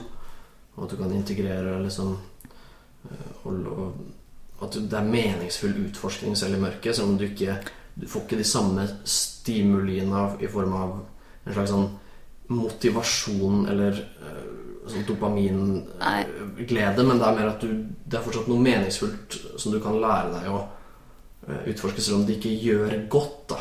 Sånn rent fysisk eller psykisk. Ja, det er et helt annet perspektiv. Det føles ut som Jeg føler i hvert fall Jeg har vært deprimert, sånn ordentlig deprimert flere ganger, egentlig. Um, og hver gang jeg er der, så er det akkurat som om det perspektivet er så utrolig annerledes enn det du har på plussiden, som du sier, når du er glad og tilfreds. Men det føles veldig ofte som nesten en enda mer ekte opplevelse av virkeligheten. Mm. Altså Man blir veldig overbevist av de tingene man begynner å tro på i det mørke. da. Ja.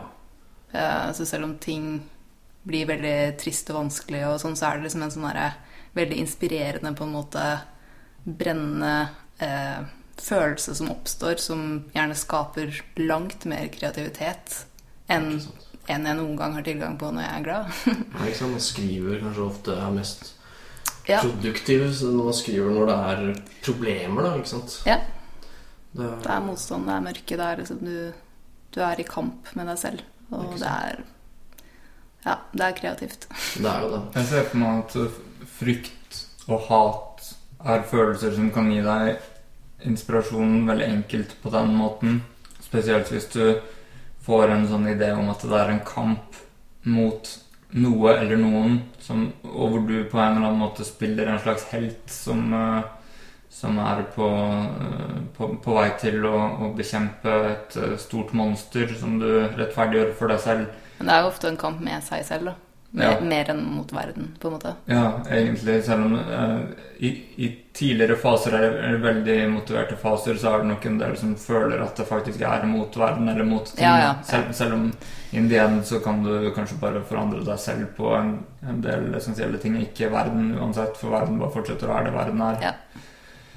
Eh, men jeg tenkte at uh, akkurat depresjon kanskje ofte Eller jeg vil assosiere det jeg vet om depresjon, i hvert fall til at det ikke går an å være inspirert når man er deprimert. For det er, at det på en måte blir det motsatte av inspirasjon. At det blir en Og du kan bli apatisk, mm, men du trenger ikke å bli det. Selv om du blir apatisk kanskje til og med innimellom, så betyr det ikke at det ikke på en måte eh, koker noe i i det subconscious, I guess, som Nei. kommer ut, da. Lidelse er jo veldig inspirerende på mange måter. Men det var litt det jeg mente, at frykt og hat er veldig inspirerende. Det, det ser man jo i kunst overalt. Ja, Ja. Ja. helt klart. Det er jo det. Det er, det er derfor eh, folka i Brave New World drar til Savage Town. Mm. Det er det.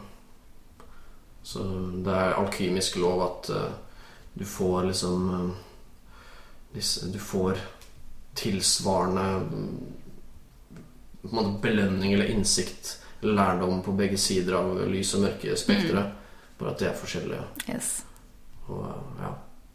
Så det, men det er veldig individuelt da, hvordan man skal cope med det. Og, Ja, det tar tid å lære å, å takle det på en bedre måte. Jeg føler at det har gått lettere og lettere etter hvert som jeg har lest Jung mm, og forstått mer av at man ikke skal være så redd for mørket. At man skal på en måte akseptere det og ta lærdom fra det. Og, så, og ikke minst lære at man er i kamp med seg selv og ikke verden og sånne ting. Så hjelper det litt etter litt. Ikke sant? Og så er det en, det er en deilig følelse å ikke tenke på egen nytelse og egen vinning og egen glede uh, i en tilværelse òg. Og det er noe liksom lidenskapelig og litt sånn Det er jo romantikk i det å en måte prøve, finne, prøve å finne vei med en liten lanterne i det dypeste mørket. Liksom, og, og ha troen da, på at å bare bevege seg øh, og, og forsøke å liksom Ja, eller motivere seg selv til å keep going når du ikke er motivert. Eller du ikke tror egentlig på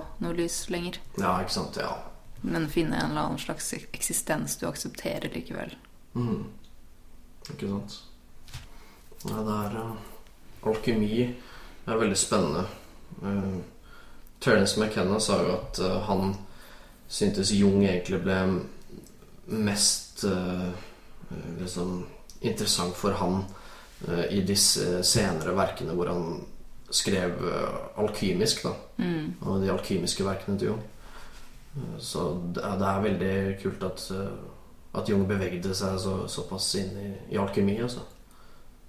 Det, Ja, når man snakker om eh, personene som på en måte blir litt egoaktig, og, eh, og selve som blir det, det, det større eh, Eller på en måte personene er en avatar. Sky, alle avatarer har skyggesider. Og, og alle avatarer også består av personligheter, og der, der kommer jo eh, de andre arketypene til, til Jung. Det, det som Mars Briggs har tatt med i eh, eh, personlighetstypologien, eh, er jo basert på de tolv arketypene. Um, og, og, og- alle de opptrer på en måte inni selve. Og så er det den siden av at det er en, eh, en eh, maskulin side ved alle kvinner og en feminin side ved alle menn. At man, eh, at man integrerer eller ikke den siden.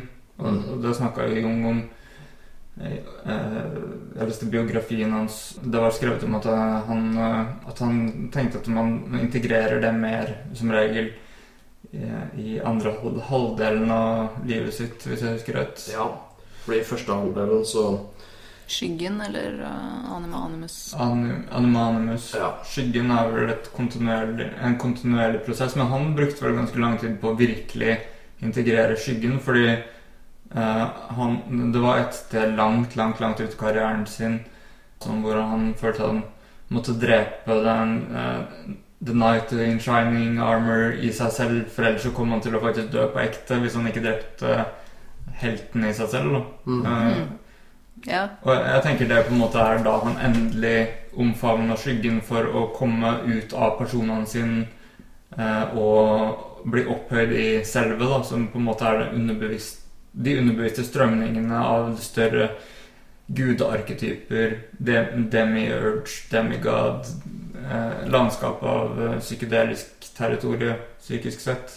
Det er det som er interessant med den dualiteten i de arketypene som vi så på. At alle arketyper har den skyggesiden, akkurat som vi også har en skyggeside. Og at du får egentlig ikke det blir bare masker helt til den skyggesiden blir anerkjent og integrert. Og det var aha-opplevelsen til Jung også, at skulle at vi ikke skal drive og, utslette liksom alt vi syns er mørkt og negativt med oss selv, men vi skal akseptere det og, og tørre å anerkjenne at det er en del av oss. Fordi så lenge vi ikke klarer det, så blir vi bare liksom tomme og mer sånn maskete versjoner som Mm. okay. kan få psykiske problemer. Da. Ja, ikke sant? Men universet er Der er det alkymisk Det er alkymiske loven er at det er lys og mørke, og da må du forholde deg til eh, ene halvdelen, da. Eller så er det bare 50% Ja. liksom med bevissthetsmessig. Yes. Det er jo det. Men det er jo veldig utypisk, da, med tanke på alle mytene vi kjenner og sånn, at man skal drepe ikke monsteret, men helten. Mm. Ja, ikke sant? Det er jo ganske kult. En kul vri, liksom. Sånn. Ja. Absolutt. Det Jeg, jeg syns det er eh, intuitivt uh, interessant, fordi jeg, da jeg var barn, husker jeg på et tidspunkt at jeg begynte å bli veldig lei av de samme oppskriftene hele tiden. mm. Mm. Og så begynte jeg å ville at helten skulle tape for skurken for en gangs skyld, fordi jeg, jeg ville se at det kunne skje. Jeg ville se hvis Jafar vinner, hva skjer? Hvis, hvis Scar vinner, hva skjer? Det begynte å bli veldig forutsigbart og kjedelig at det er alltid den samme oppbygningen. Og, og så mye senere begynte jeg å se på kunstfilmer og eks ekspressive filmer og folk som bryter Mm. med tra- tradisjonen og prøver å være mer modernistiske og uh. Kommer du, kommer du på en film eller noe du husker som gjør det ekstra bra?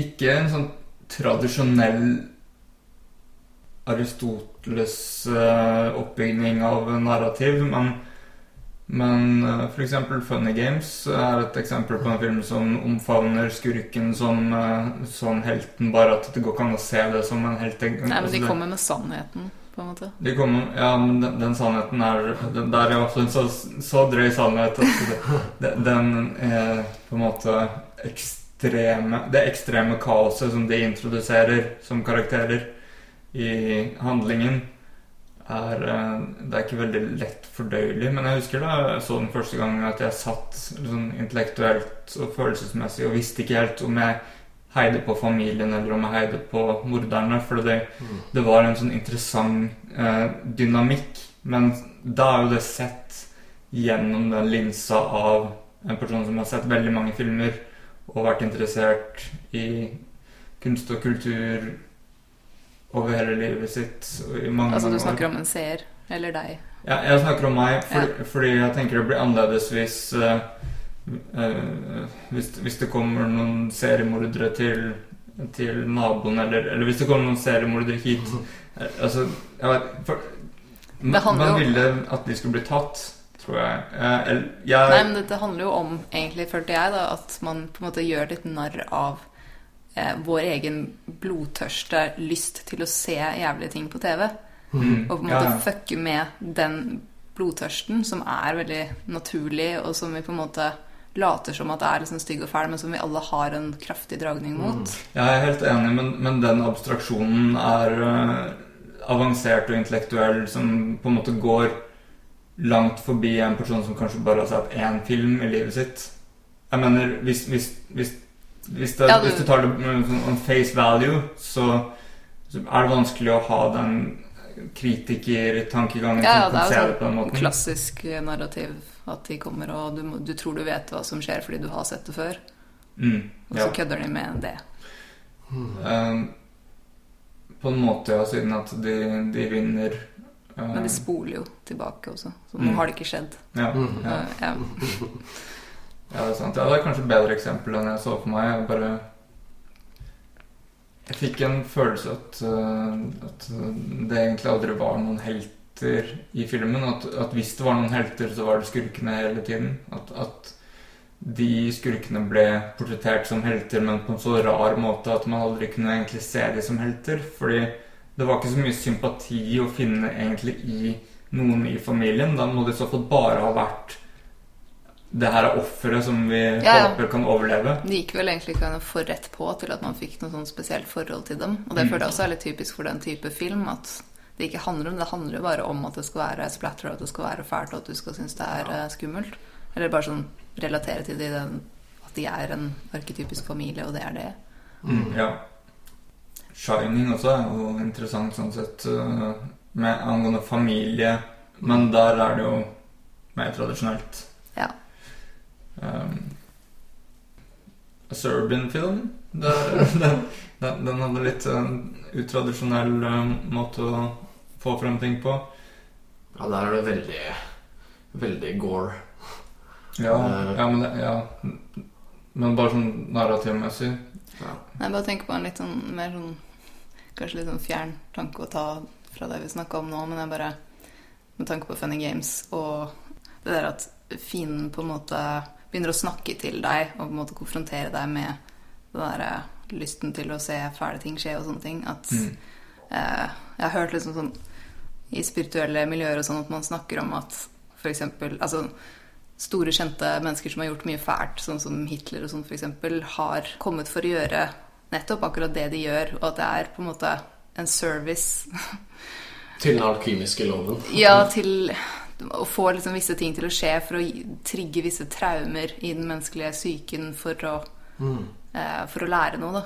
Ja. Og da føler jeg at Funny Games har den samme approachen, eller liksom minner oss på en lignende approach. Der hvor mm. på en måte the bad guy har en så viktig rolle. Ja, jeg, jeg, vet ikke om, uh, om jeg har sagt den tingen før på podkasten. Så hvis, no, hvis, jeg har sagt det og noen har hørt det før, så er det ikke meningen å si det igjen, men uh, jeg syns det var interessant å tenke på Hitler som en form for ny Jesus, som døde for menneskehetens synder ved å være en synder som endte opp med å ta med seg så mye skyld at man plutselig hadde verdensfred og FN og Nettopp. Ikke sant? Nettopp. Yes. Ja, ja. ja, det er uh, 'killing strangers so we don't uh, kill the ones that we love', liksom. At mm. man uh, må få liksom en slags uh, Man trenger noen å fokusere liksom En som representerer så sterkt det vi ikke vil ha, at vi lettere finner ut hva vi vil ja. ha, og hva vi i hvert fall ikke vil ha. At det er en service i det. Ikke sant. Og at Trump kind of har den samme rollen nå, da. Mm. Ja, med å være liksom den derre utrolige dølle bildet på skyggesiden til Amerika, da. Mm. Ja. Absolutt. Men det er, det er veldig sånn softcore-versjon. Det er den moderne Ja. Marshmallow-versjonen. ja, ja, det er det. Det er ikke sant. Ja, vi spiller inn det her før eh, debatten mellom Trump og Biden.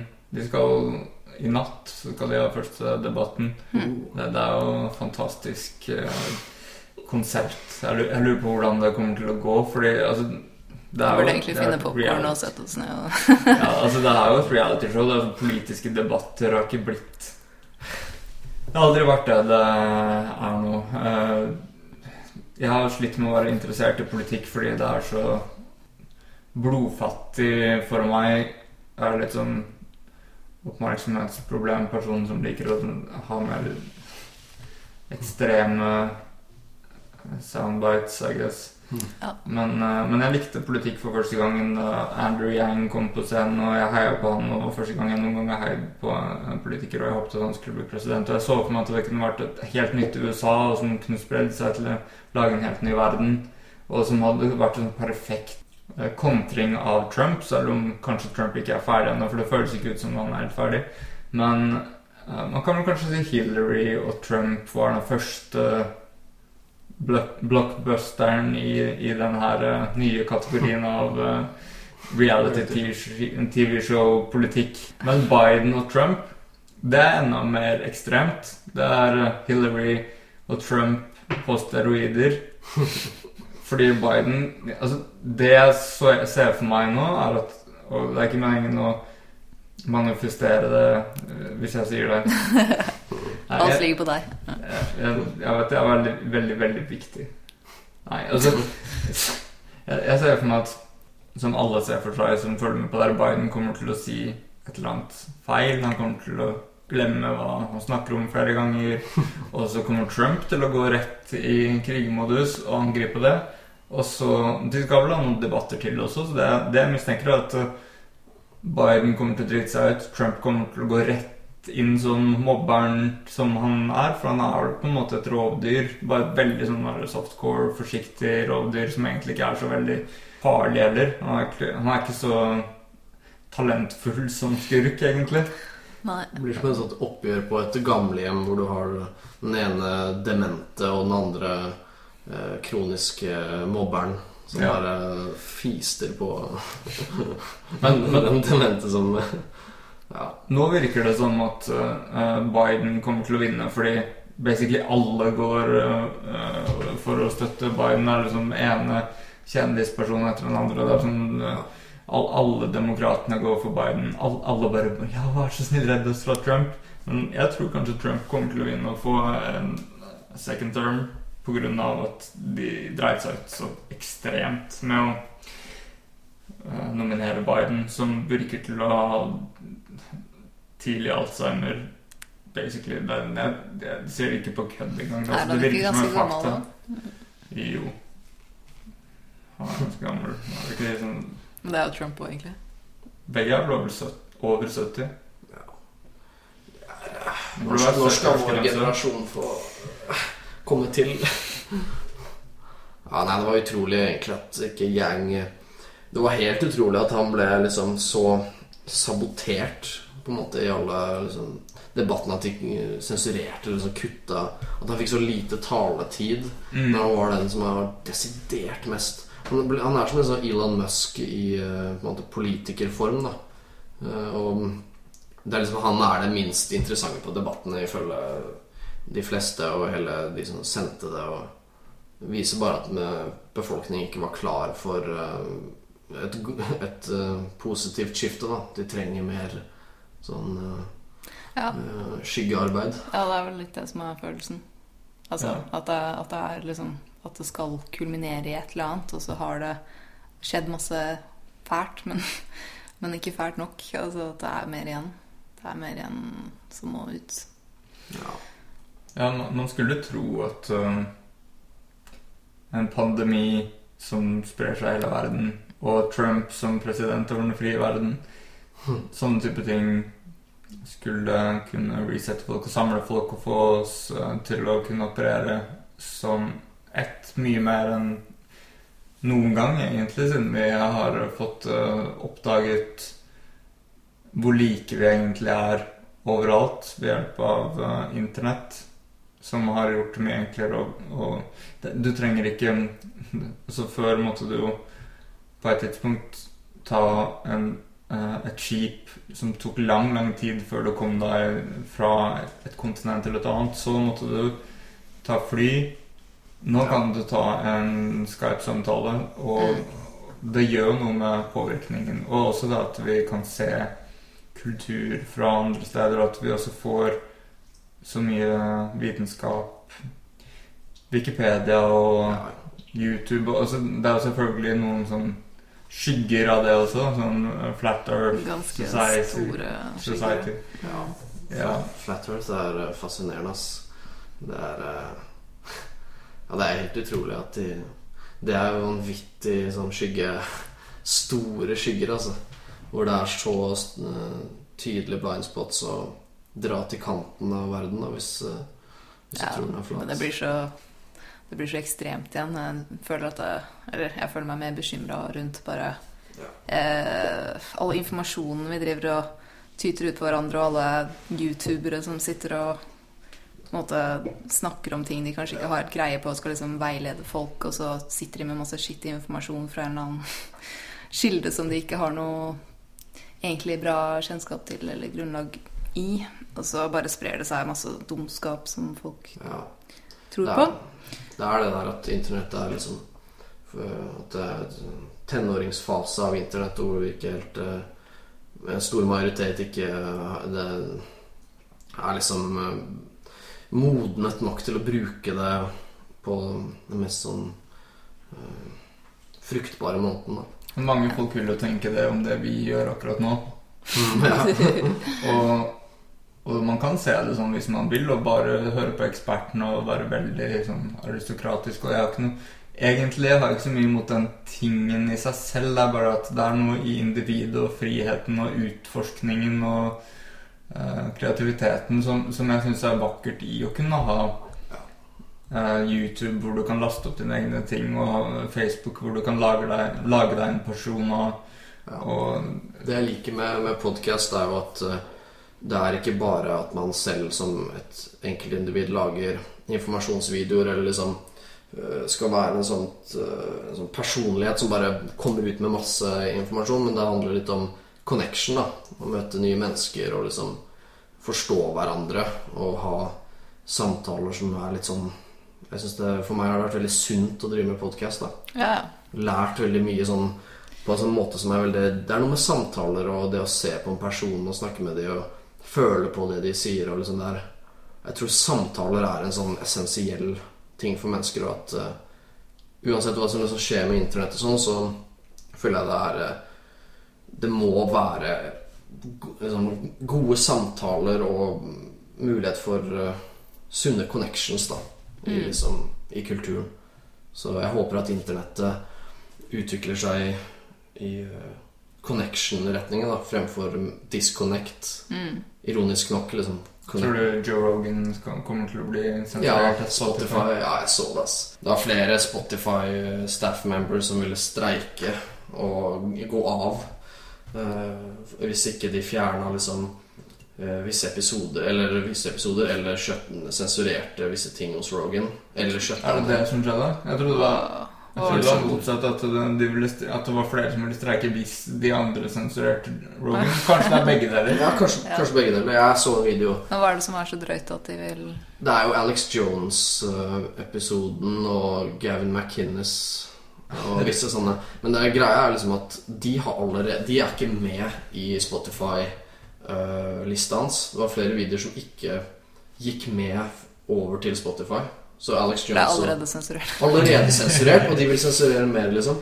Og det der er sånn Det er virkelig fordi Rogan kan si hva du vil, og alle gjør feil, og alle sier øh, Alle er mennesker, og Men bare det der med den, det fenomenet av Rogan og liksom den samtaledelen, og at han greier å connecte til så mange forskjellige mennesker, da. De prøvde å silence han med å gi han det der supertilbudet med Spotify. Og bare, nå, nå, nå er jeg Og det er uh, Illuminati. Ja, det er liksom det. Ja, det kan du si, altså. Nei, det ville vært døvt, da. Altså, det, da blir det sånn Tone Rose igjen. Da, da skal du beskytte folk fra alt, og Ja. det, det funker ikke, altså. Hvordan syns du egentlig du, du som lager tegneserie og er kreativ på den måten, hvordan syns du det er egentlig å komme opp med nye ideer? Og, og levere det til folk og få uh, på en måte respons etter hvor verden er på det tidspunktet.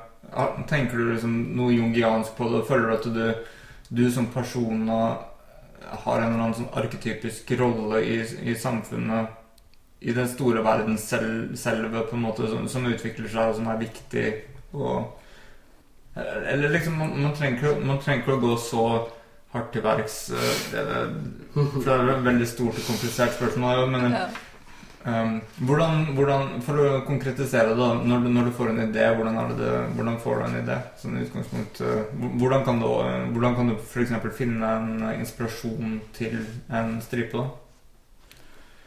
Nei, altså Jeg må jo bare si at jeg, jeg leser verken nok nyheter eller liksom følger bevisst sånn dagsaktuelt med til at jeg at jeg føler at jeg egentlig noen gang prøver veldig hardt å ta liksom ta temperaturen på tiden eller liksom si noe som passer eller noe. Jeg følger bare mine egne interesser og Og prøver bare å egentlig lage noe som Kommer fra hjertet. Ja, som jeg som, som vekker et eller annet i meg, eller som jeg syns er viktig å huske på. da. Eller at jeg kommer på en tanke som jeg syns på en måte treffer et eller annet, og så får jeg bare lyst til å gjøre den solid, egentlig bare for meg selv. Mm. Og akkurat nå så lager jeg så lite og så sjeldent at det er liksom ikke så mye Det er ikke så mye feedback. Det er ikke den derre Altså, for syv år siden kanskje så var det helt annerledes. Da var det liksom mye mer feedback, og da var jeg kanskje mer aktuell enn jeg er nå. Mens nå har jeg liksom begynt å snakke om liksom, ja, liksom Jung og liksom, meditasjon og spiritualitet og sånn mer enn jeg gjorde før. Og jeg, ja, det blir liksom veldig viktig for meg, men ikke kanskje like viktig for den mm, gjennomsnittlige leser. Jeg vet ikke. Nei, for det, det er jo Det virker som at det har vært en trend i kulturen at uh, meditasjon og, og Jung også, sånn som f.eks. Peterson sin innflytelse på, uh, på det kollektivt uh, underbevisste eller bevisste, eller bare generelt sett uh, mennesk, menneskelig historie, idéhistorie, da. Det har jo en det har jo tatt Jung tilbake inn i varmen for veldig mange yngre mennesker. Ja, det er jo superbra i så fall.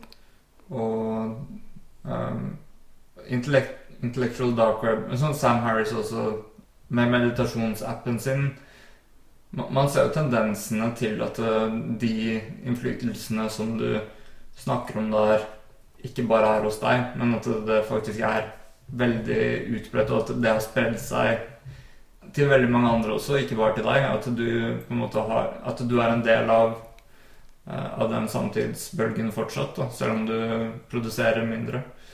Ja.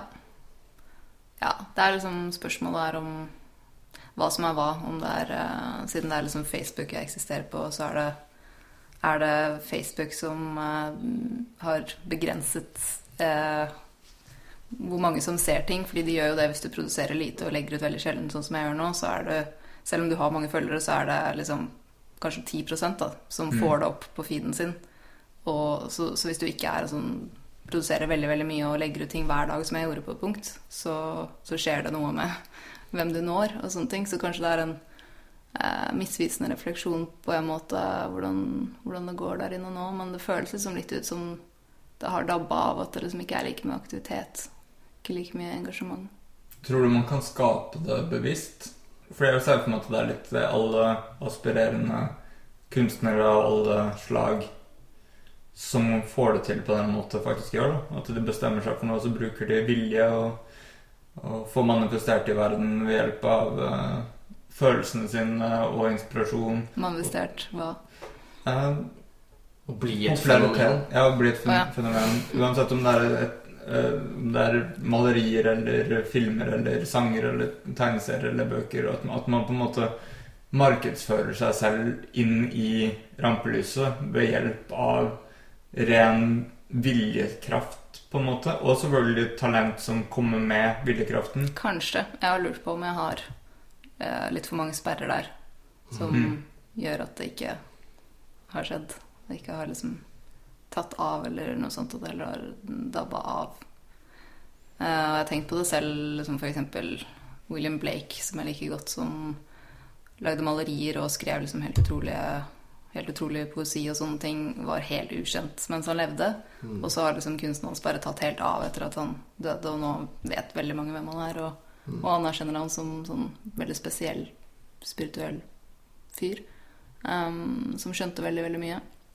Og da har jeg lurt på om, om det er manifestert på et vis, ja. At uh, kanskje at det er noe sånn besudlende, nesten, med liksom fame og liksom, eller anerkjennelse som kan på en måte ødelegge kunsten på et vis. Og, men han slet jo alltid med penger og liksom trengte at folk liksom støttet han. Rike venner støttet kunsten hans fordi det var ingen andre som anerkjente det og sånne ting. Og det, det er jo den kjipe siden av det. Ja. Men ja, jeg tror, jeg tror definitivt det er noe der, en sånn derre manifestasjonsevne hos enkelte som gjør at de kan nesten gjøre hva som helst og bli anerkjent eller sett for det. ikke sant? Som Trump. Der, der, der er Ja, han flink. han er veldig- der er han veldig flink. Akkurat han er det veldig, får han veldig god til. på det. Ja. Ja. Det må være det største talentet hans. Ja. Ja. Mm. Det er ikke så fint å bli lett overvelda, antagelig. Sånn sett. Nei, jeg tror altså, skal man komme frem Skal man komme frem som rent uh, gjennom bare sin kunsts verdi og tale kun gjennom kunsten i seg selv, så har man nok foran seg en ganske seig og langvarig prosess.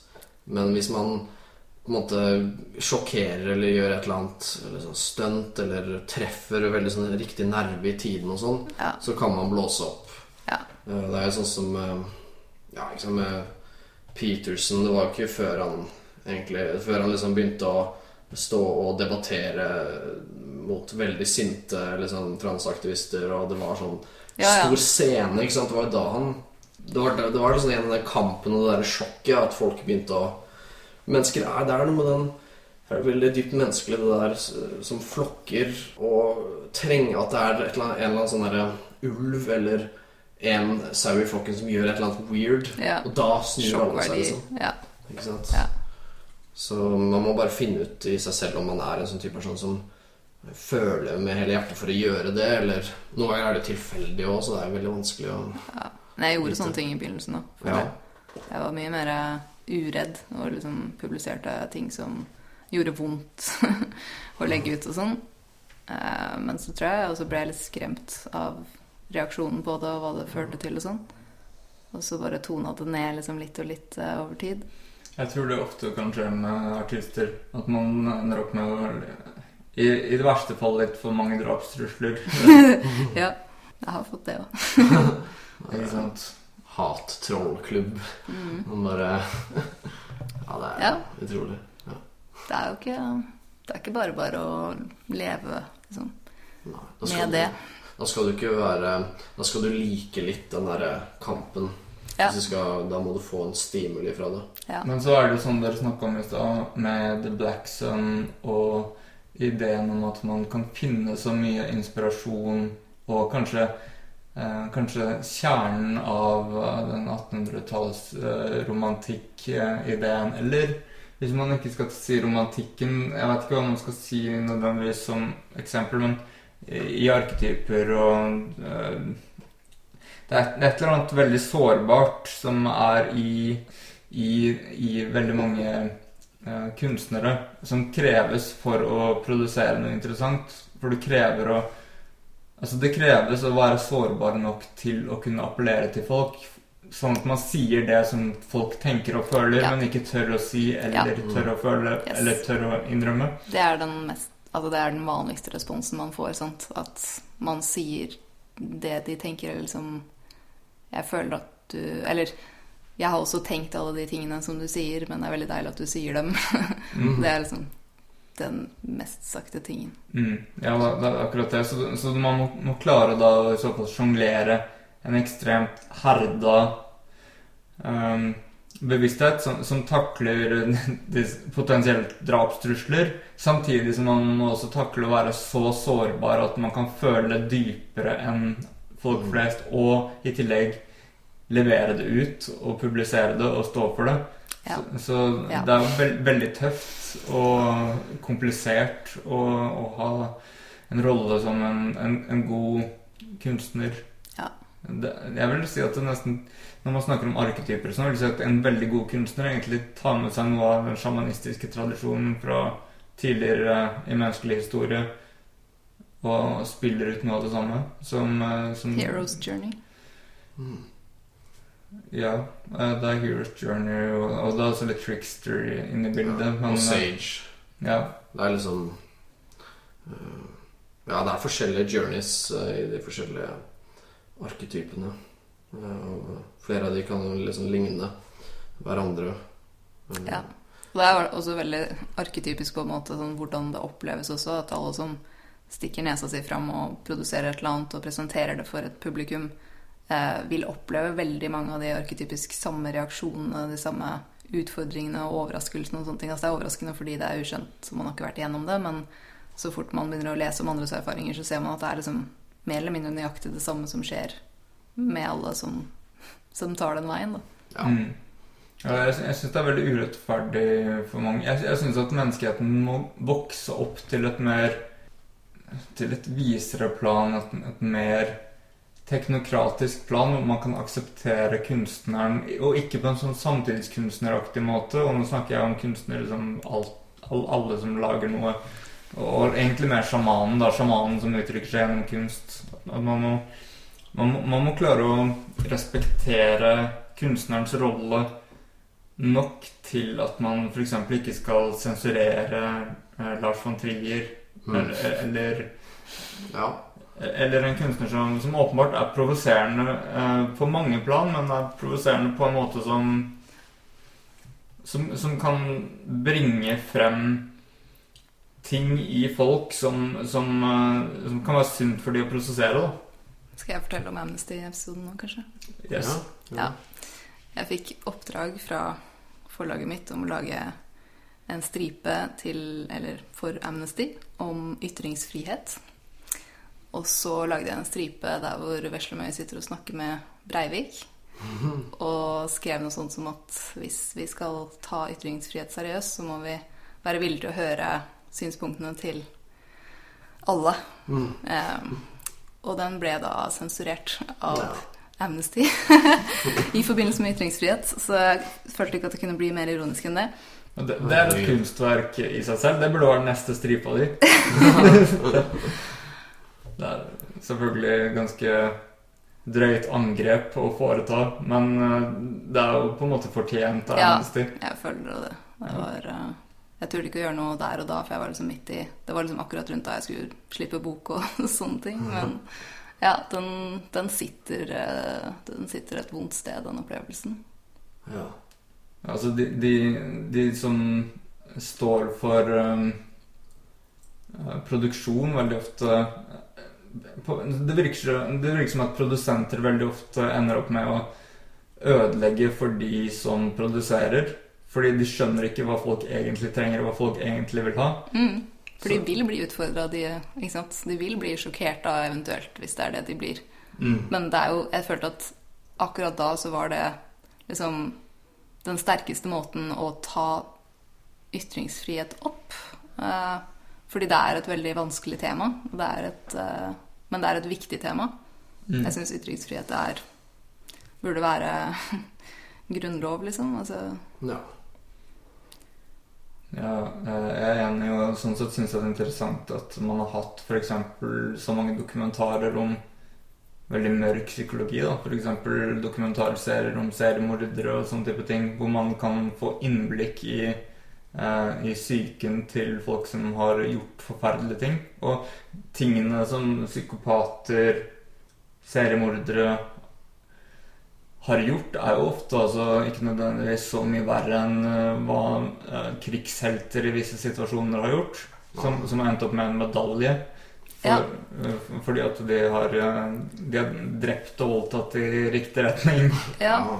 Og uansett så er det viktig å prøve å lære å forstå motivasjonen til sånne mennesker som gjør ekstreme ting. For det er kun hvis vi faktisk klarer å lytte til dem og høre hva de sier, at vi kanskje kan lære noe av det. Og kanskje gripe inn i folks liv i riktig tidspunkt, sånn at vi ikke utvikler flere av dem. Og Mm. sånne ting. Ikke sant?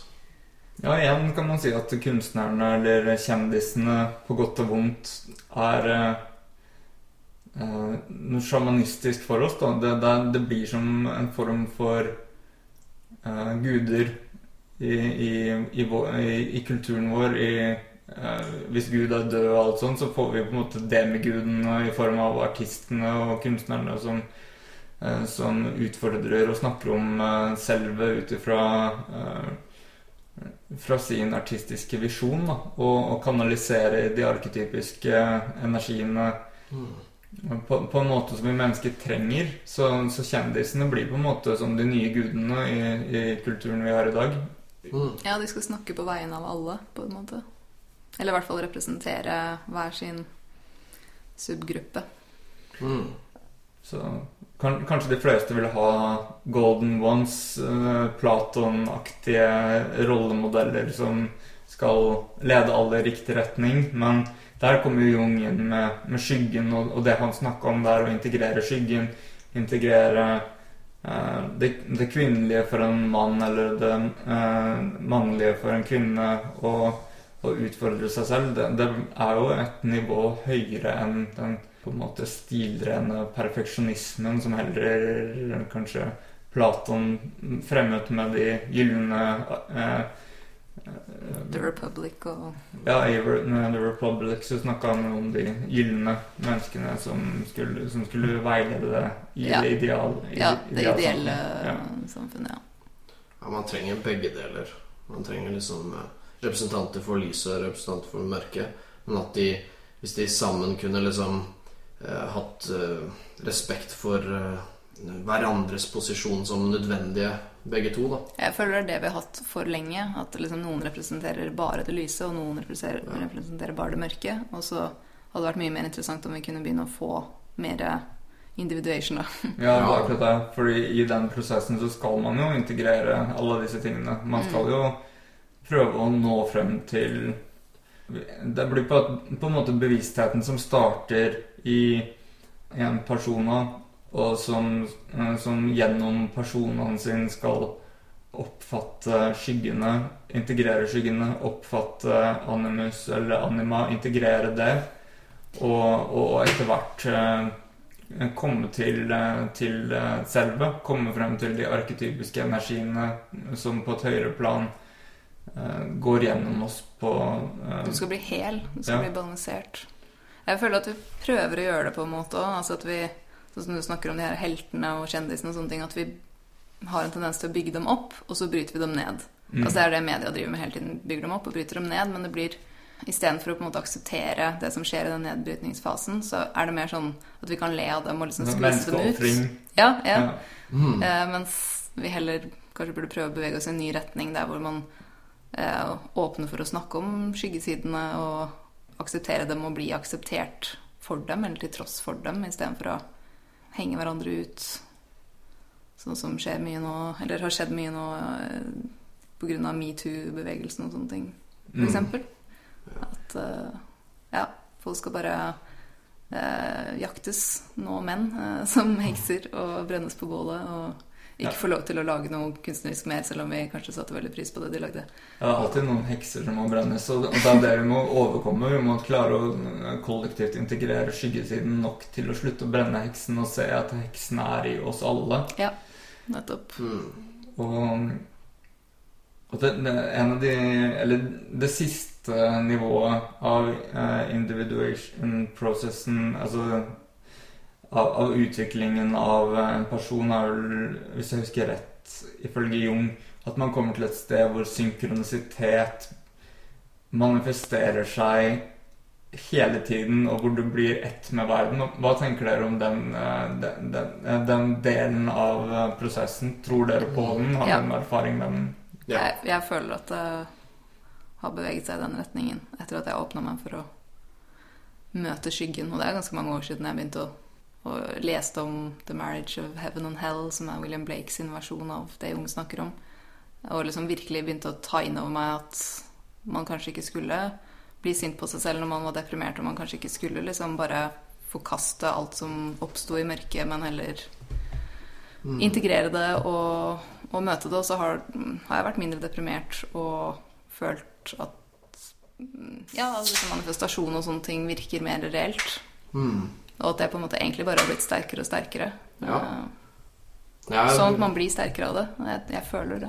Det er tilfellet, liksom. Ikke sant. Jeg har begynt å tenke mye mer sånn de siste årene sånn kreativt i forhold til uh, possible outcomes, liksom. At uh, hvis jeg skulle bli lam, uh, beina ned, eller magen og ned, liksom, så hadde det vært kult å kunne sitte og lese masse, liksom, og ha en fet rullestol i tre som var eh, veldig classy og stilig. Hvis jeg hadde blitt blind, så hadde det vært interessant å lære seg liksom eh, blindeskrift, og det hadde vært kult å ha podkast og liksom eh, være blind, men bare snakke og, og liksom oppfatte mennesker sånn dele opplevelsen av hvordan det er å bli blind. sånn. Ja, veldig sånn eh, Sikkert jævla frekt av meg å komme med de som er lamme eller er blinde, bare Ja, for faen, du skal bare prøve det, så skal du se hvor gøy det er. Men det er sånn, du kan faktisk eh, Du kan faktisk liksom eh, gjøre det i den retninga, fordi det er ikke noe som kan, Det er så mye å utforske uansett, da. Eh, Så lenge du er Og hvis du, ikke, hvis du dør eller ikke lever lenger, så er det noe du, Det er en energioverføring, eller du er, du er del av noe alltid uansett, da. Uansett hva slags form du tar, så du kan tenke kreativt, og mennesket er jo er kjent for å være veldig tilpasningsdyktig. Så da er det jo bare å dyrke den tilpasningsdyktigheten som vi Men, men, tenk, ja, men tenker litt videre fra det også. Ikke bare at man blir et offer for virkeligheten og må cope med det, men hvis man trekker paralleller til noe som Nick Bastrom snakka om angående at vi lever i en eh, simulert virkelighet, den ideen om at det er høy sannsynlighet for at det her universet er simulert jeg, jeg, jeg tenker at det virker veldig usannsynlig hvis man ser på det materialistisk og ut ifra de fleste på en måte etablerte verdensbildene vi har. Men Jung var jo på en måte inne på det her når han snakker om at den siste prosessen er at man manifesterer At man blir ett med synkronisiteten. Men den ideen om Og jeg er åpen for at det her er et, et, en simulert eh, et, et program som vi er inne i, da. Men jeg er ikke overbevist over noen ting, for jeg er ganske agnostisk, selv om jeg går inn og ut av forskjellige virkelighetsoppfatninger, og noen ganger er mer uh, i retning av å tro på noe, og andre ganger i retning av å tro på Ja. noe annet. Men syns du den strider imot liksom, noe spirituelt å tenke sånn på det? For jeg syns ikke, jeg synes ikke det på en måte utelukker noen ting. Nei, altså jeg syns ikke det eh, spirituelle strider imot det. Jeg er bare interessert i hva dere syns om ideen om at man kan oppnå et plan hvor man på en måte begynner å styre eh, simulasjonen eh, til en mye større grad. At, eh, at ting begynner å skje rundt deg på en måte hvor du blir mye mer essensiell i uh, storylinen til det programmet vi eventuelt er i. da. Det gjør man jo gjennom tilpasning og også det å være kreativ. Så det er jo det man gjør bare videre i nye former og mer Men du tenker på det der å gå fra å være på en måte en brikke som blir spilt, til å være den som spiller spillet? Ja, og, og ikke bare sånn eh, personer som kan integrere eh, anima eller animus og skyggen å komme til eh, selve, men, men også begynne å eh, manifestere virkeligheten rundt seg etter viljen sin, da, liksom som vi var inne på i Da går du jo litt innenfor eh, den arketypen i det derre tolv arketypehjulet til Jung. eh, innenfor magician, da, for eksempel. Ja. Og da føler jeg Altså, der har jo alle de forskjellige arketypene også farger, men jeg tenker også at når det kommer til manifestasjon, så snakker man jo mye om frekvenser. Jeg Mm. tenker at hvis man gjør individuation eh, suksessfullt, så vil vibrasjonen din øke. Du vil være på en høyere frekvens, for du vil ikke være i dualitet hele tiden og liksom slåss med deg selv og slåss mot mørke og lys. Altså. Og da Og jeg tror det er der manifestasjon og en større kontroll oppstår, da. Hvis du klarer å vibrere høyere fordi Så blir du radioaktiv. Nei, det, det var kanskje feil vei. Nei, men uh... Ja, du, du må nok liksom eh, Jeg tror du kan det er, Du må innfinne deg med begge deler, da. Og liksom være være offer, og også den som tar kontroll. Liksom. Dominante og recessive. Men du trenger ikke å være et offer lenger. Du trenger Nei. ikke å være et konsept engang. Fordi du har ja. kommet over det steget der hvor du identifiserer med en sånn type Ja. labeling. Selv om det skjer med deg, så, så er det jo liksom du, du definerer deg ikke som det som skjer med deg. Nei, nettopp. Du er ikke lenger det som skjedde med deg.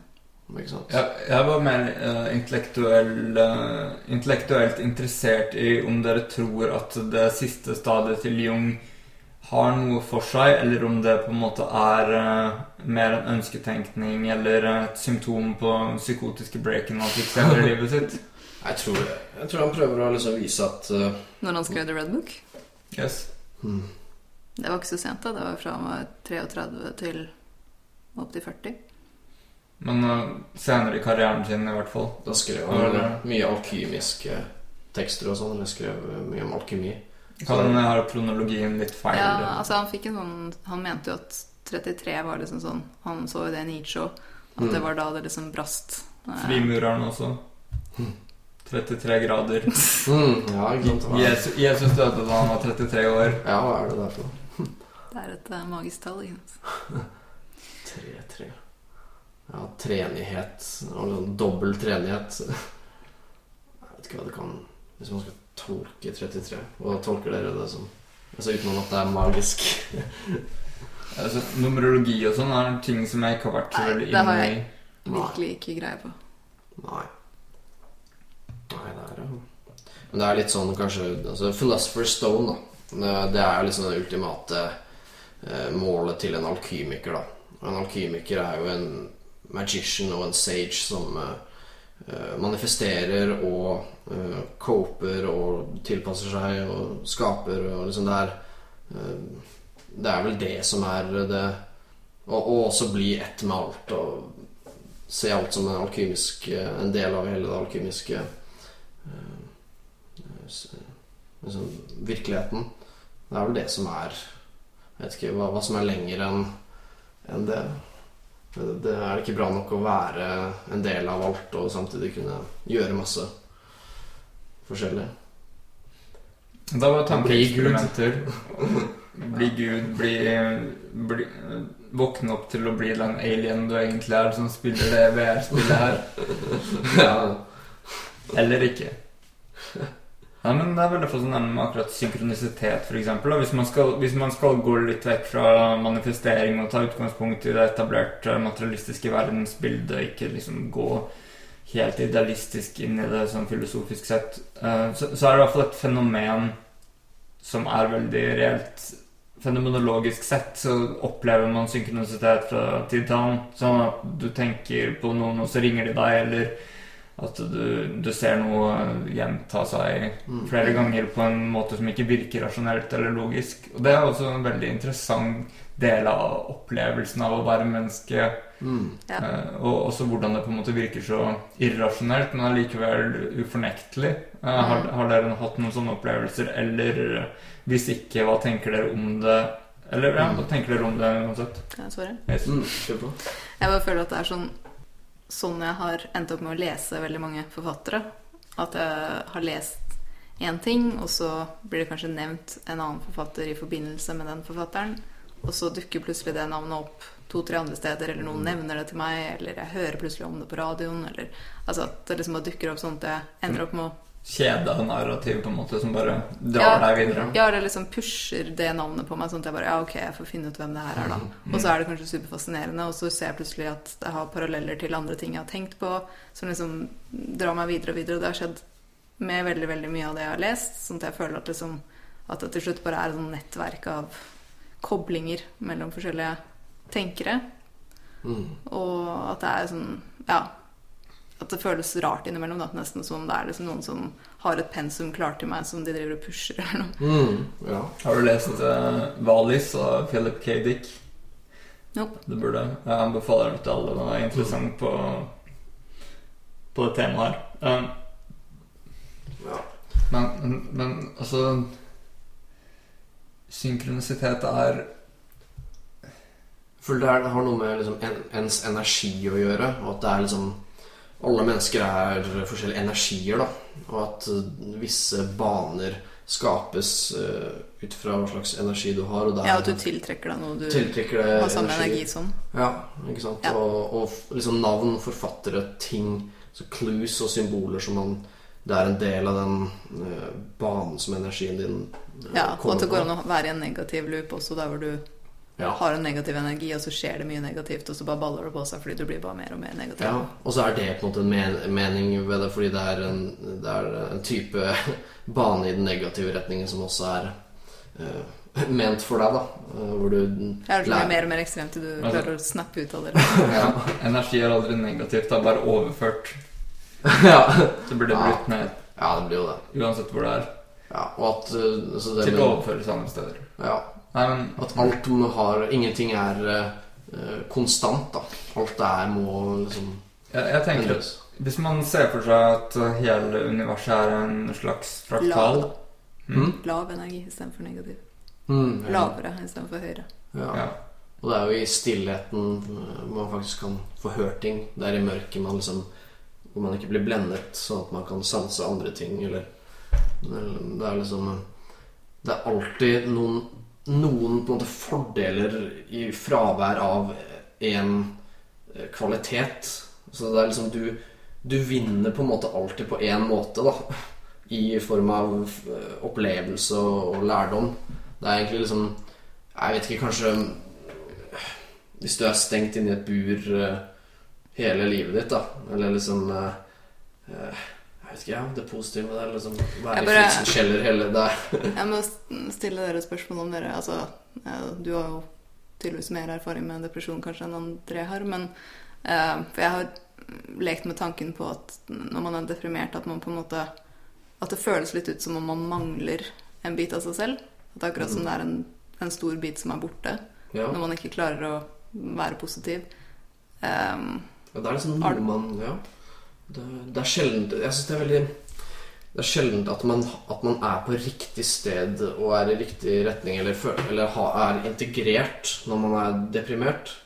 Eh, Det er liksom Jeg syns det generelt er noe som man føler seg ikke helt som seg selv. Nei. Um, Men det er derfor jeg tulla litt med at jeg kanskje har vært eh, konstant deprimert hele livet. Sånn litt low-key. Fordi at det mangler noe av meg selv, Det er en daglig kamp som kommer og går. ja, ja, og den der dissosiasjonen som oppstår når du går ut og sånn. Ja, Ja, det er det jeg mener. da. At det er, eh, det er sånn, eh, sånne psykologiske teorier på det, i hvert fall.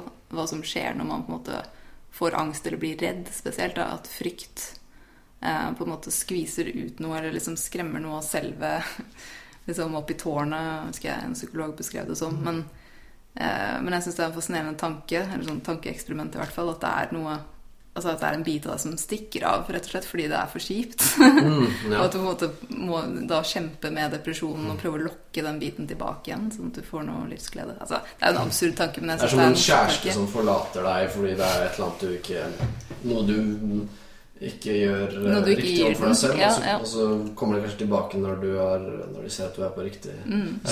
det er reinkarnasjon er en ting all over the place, og du er egentlig ment for å ha dødd for en god stund siden, men du har bare så sterk viljekraft at du fortsetter å leve mens uh, alle Ja, gudene altså, prøver å si til deg nei, gå vekk. Du tuller nå, men, men hvis du lever med depresjon for lenge, så er det ikke helt uvanlig å dø. Nei, det er sant. Ja, ikke sant.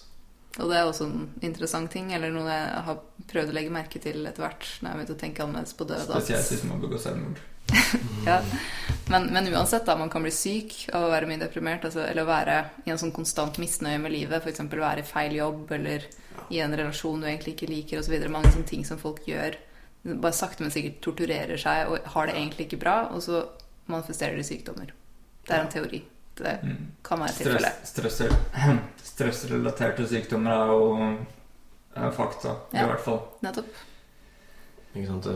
Mørket er bra hvis, du kan, hvis det bringer over en endring til noe annet som utvikler det eh, mot noe liksom interessant eller mot noe eh, annet. Men hvis det er ja, den båndopptakeren sånn repeat, Ja, repeat, så Det er nettopp det du sier der. ikke sant? Det er der å finne, finne en åpning, finne en endring som faktisk er en så stor forbedring at du, du blir bedre. Ja.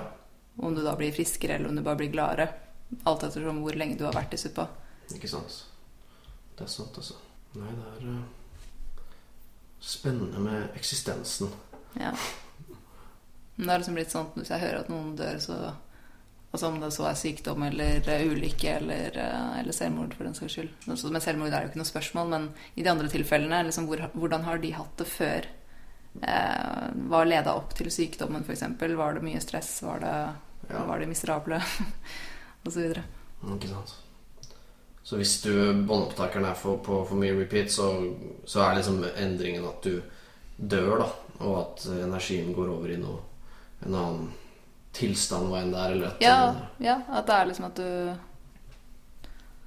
Ja, du mister gnisten. eh, Liksom viljen forsvinner, og når viljen forsvinner, så, så klarer du ikke å leve. Altså, det skjer jo med dyr også, hvis de Ja. er i fangenskap for lenge eller har det for miserabelt. De dør jo, eller tar selvmord og gjør de samme tingene. Så ja, at man har et, man har et krav da, til livet, på en måte. ja. Hvis det ikke blir innfridd, så har man ikke lyst til å være her. Ikke sant. Så det er i hvert fall en, en eh, etikk da i, ved eksistensen. At alltid, det skal, du, er alt, du skal alltid liksom Du er alltid unt eh, Du kan alltid stikke av, Ja, ja, ikke sant. heldigvis. ja. Ja. Ikke sant. Men du hadde en stripe om det. Så ble du født eh, i et annet liv, Mm. og så kunne du aldri stikke av. Ja, det er en frykt. Ja, ikke sant? Du bare blir født. Ikke sant? Sånn, Å nei. Ja, det er jo noen som hevder det, at du, du kan ikke stikke av fordi du må alltid prøve igjen. Eller at det er liksom noe du skal lære, eller noe som du ikke får lov til, du får ikke lov til å gå utenom. Sånn som bøygen. Men, eh, men ja, det er definitivt en frykt. Ja, Hva tenker dere om uh, sånn metadeterministisk eh, synspunkt hvor man på en måte kan ha alt det her vi har snakka om, hele podkasten, all viljen, all friheten, til og med manifestasjon man, man, kan ha, man kan ha synkronisitet og manifestasjon, og du kan putte i alt du vil, men at det fortsatt på en måte er en del av et større program hvor alt spilles av som det det er ment for å være. Litt som skjebnen, da, på en måte. Og at alle tingene som vi ja, føler er eh, fritt. Fordi det er et veldig stort spekter, og som også kan utvide seg også i løpet av et liv, hvor ting kan bli mer og mer fritt. Du kan få mer og mer vilje, mer og mer valgfrihet. Men at det ultimalt sett blir liksom Ødepuss eller Macbeth eller, eller noe som det Mm. hvor, hvor, det på en måte er en, hvor det er en skjebne som Eller et, et Som program som alltid styrer. Ja, Ja. det- Men på et øvre plan, og så har du frivillig under det.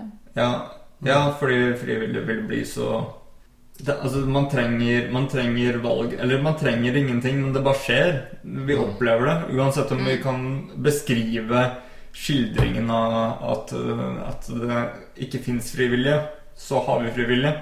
Mm. Og, og, og det er fascinerende å tenke på at kanskje eh, programmet har variabler og koder som bare spilles av, som oppfattes som at vi går gjennom alle de her transformasjonene og valgene og kan, men da eventuelt at man kan gå feil, da, akkurat som i de der bøkene man leste om barn man kunne velge. Grøssernes eh, For eksempel.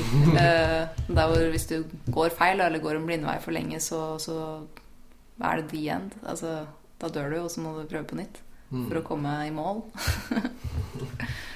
Men, men med det Hvis det er meningen at du skal gå en viss arketypisk retning, eller hvis det er deterministisk. Ja, at det bare Noen er eh, koda til å tape, noen er koda til å vinne, og egentlig er det kanskje ikke noen som fins heller. Det er bare en fraktal som driver og kontinuerlig leker. ja. Ja. Mm. Ja. Jeg er ok with that. På en måte. Mm. Tilbake til den energien. Da var det energi som overføres entalpi. Eh, brutt ned av entropi. Altså, vi syns jo det er underholdende. Eller det føles jo som liksom den der bevisstheten, hva enn den er, syns at det er spennende. Og syns at det er spennende både mørke og lys, og at alt har verdi, på en måte. Selv om Men noen tenker på det som, av, eh, som ansvarsfraskrivelse og, og slappe av et par, par sekunder ved å på en måte leve seg inn i den ideen der. Kommer an på hvordan du lever deg inn i den. da Om det gjør at du blir liksom apatisk, eller om du på en måte syns at livet blir enda morsommere på et vis. Ja. For da er du da kan Ingen du, liker den tanken. Det er jo en sånn egofiendtlig tanke. Ja.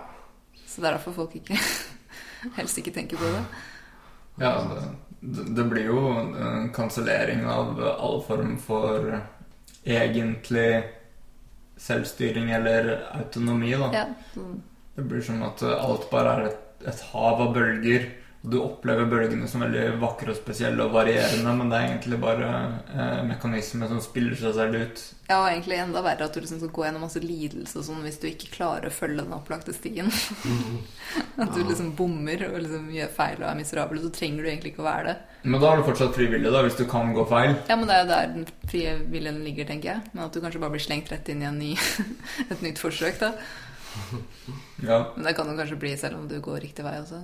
Jeg, jeg tenkte sånn, kanskje at man da kan se for seg at de, de feilskrittene man tar Altså når man, når man deviater fra sin path, så er det også egentlig bare en del av uh, storyen din. Og det, det er ment for å bare skje. Og det har ikke noe å si, og det, det er bare det det er. Som en slags sånn det, det blir vel sikkert eh, nihilistisk. Fordi da, for da skaper du de, de traumene som de andre karakterene trenger for å komme dit de skal. Ja, eller ikke trenger. Det kan være at du bare Ja, det har jo en pisser i vinden også. Men det har jo en funksjon. Det, det påvirker, alt som skjer, påvirker jo noen. Mm. Det er jo hele tiden et sånt samspill. Men noen ganger så kanskje det påvirker noen til å ødelegge verden, eller Da er det Så skulle det- sin, eller Skulle det skje, ja. Ja. så hadde vi det å lese om i avisen. Og så sitter folk og koser seg og er glad for at det var i hvert fall ikke min familie. ja. Med mindre det ødelegger hele verden. Da. Det er som om lys og mørke er et sånt kjærlighetsforhold. eh, og at eh, de bare er så tiltrukket av hverandre at eh, de, man kan ikke De det kan, ikke forstå, de kan ikke forstå seg selv uten hverandre. Nei, og de kan ikke ta slutt, fordi begge to må være med. Og så lenge det alltid er noe lys, så må det fortsette. Og siden det er noe mørke, så må det liksom Det kan ikke va- vare evig. Det må, ta, liksom, det må alltid gå opp og ned. Da. Ja. Det er som en puls. Det må være puls. Det eh, må være bevegelse. Ja. Mm. Men det er hvorfor må det være bevegelse? Ja, altså, på grunn av at det liksom bare Ja, det er liksom kjærlighet, da. Den determinismen blir på en måte filmkamera som fanger opp eh, den dansen mellom lys og mørke, da, hvis man skal bruke Mm. den analogien. Ja, ikke Ja, den funker veldig bra. Mm. Mm. Ja da. Ja. Har de fått eh, slukket deres eh, tørst på lys og mørke i, i samtale? I samtale. I, i, i podkast? I, I vår uh, skrifting og uh, Løslatt deres synder? Ja. Nei da. Eller er det noe mer uh... Ja, vi kan godt uh, avslutte for min del. Vi kan godt ta en episode senere også, eller ja. Så, så jeg likte samtalen godt. Ja. Jeg også. Jeg òg. Det var eh, veldig hyggelig å ha med deg, du som lytter. Ha gode samtaler med menneskene i ditt liv og ha gode opplevelser. God natt.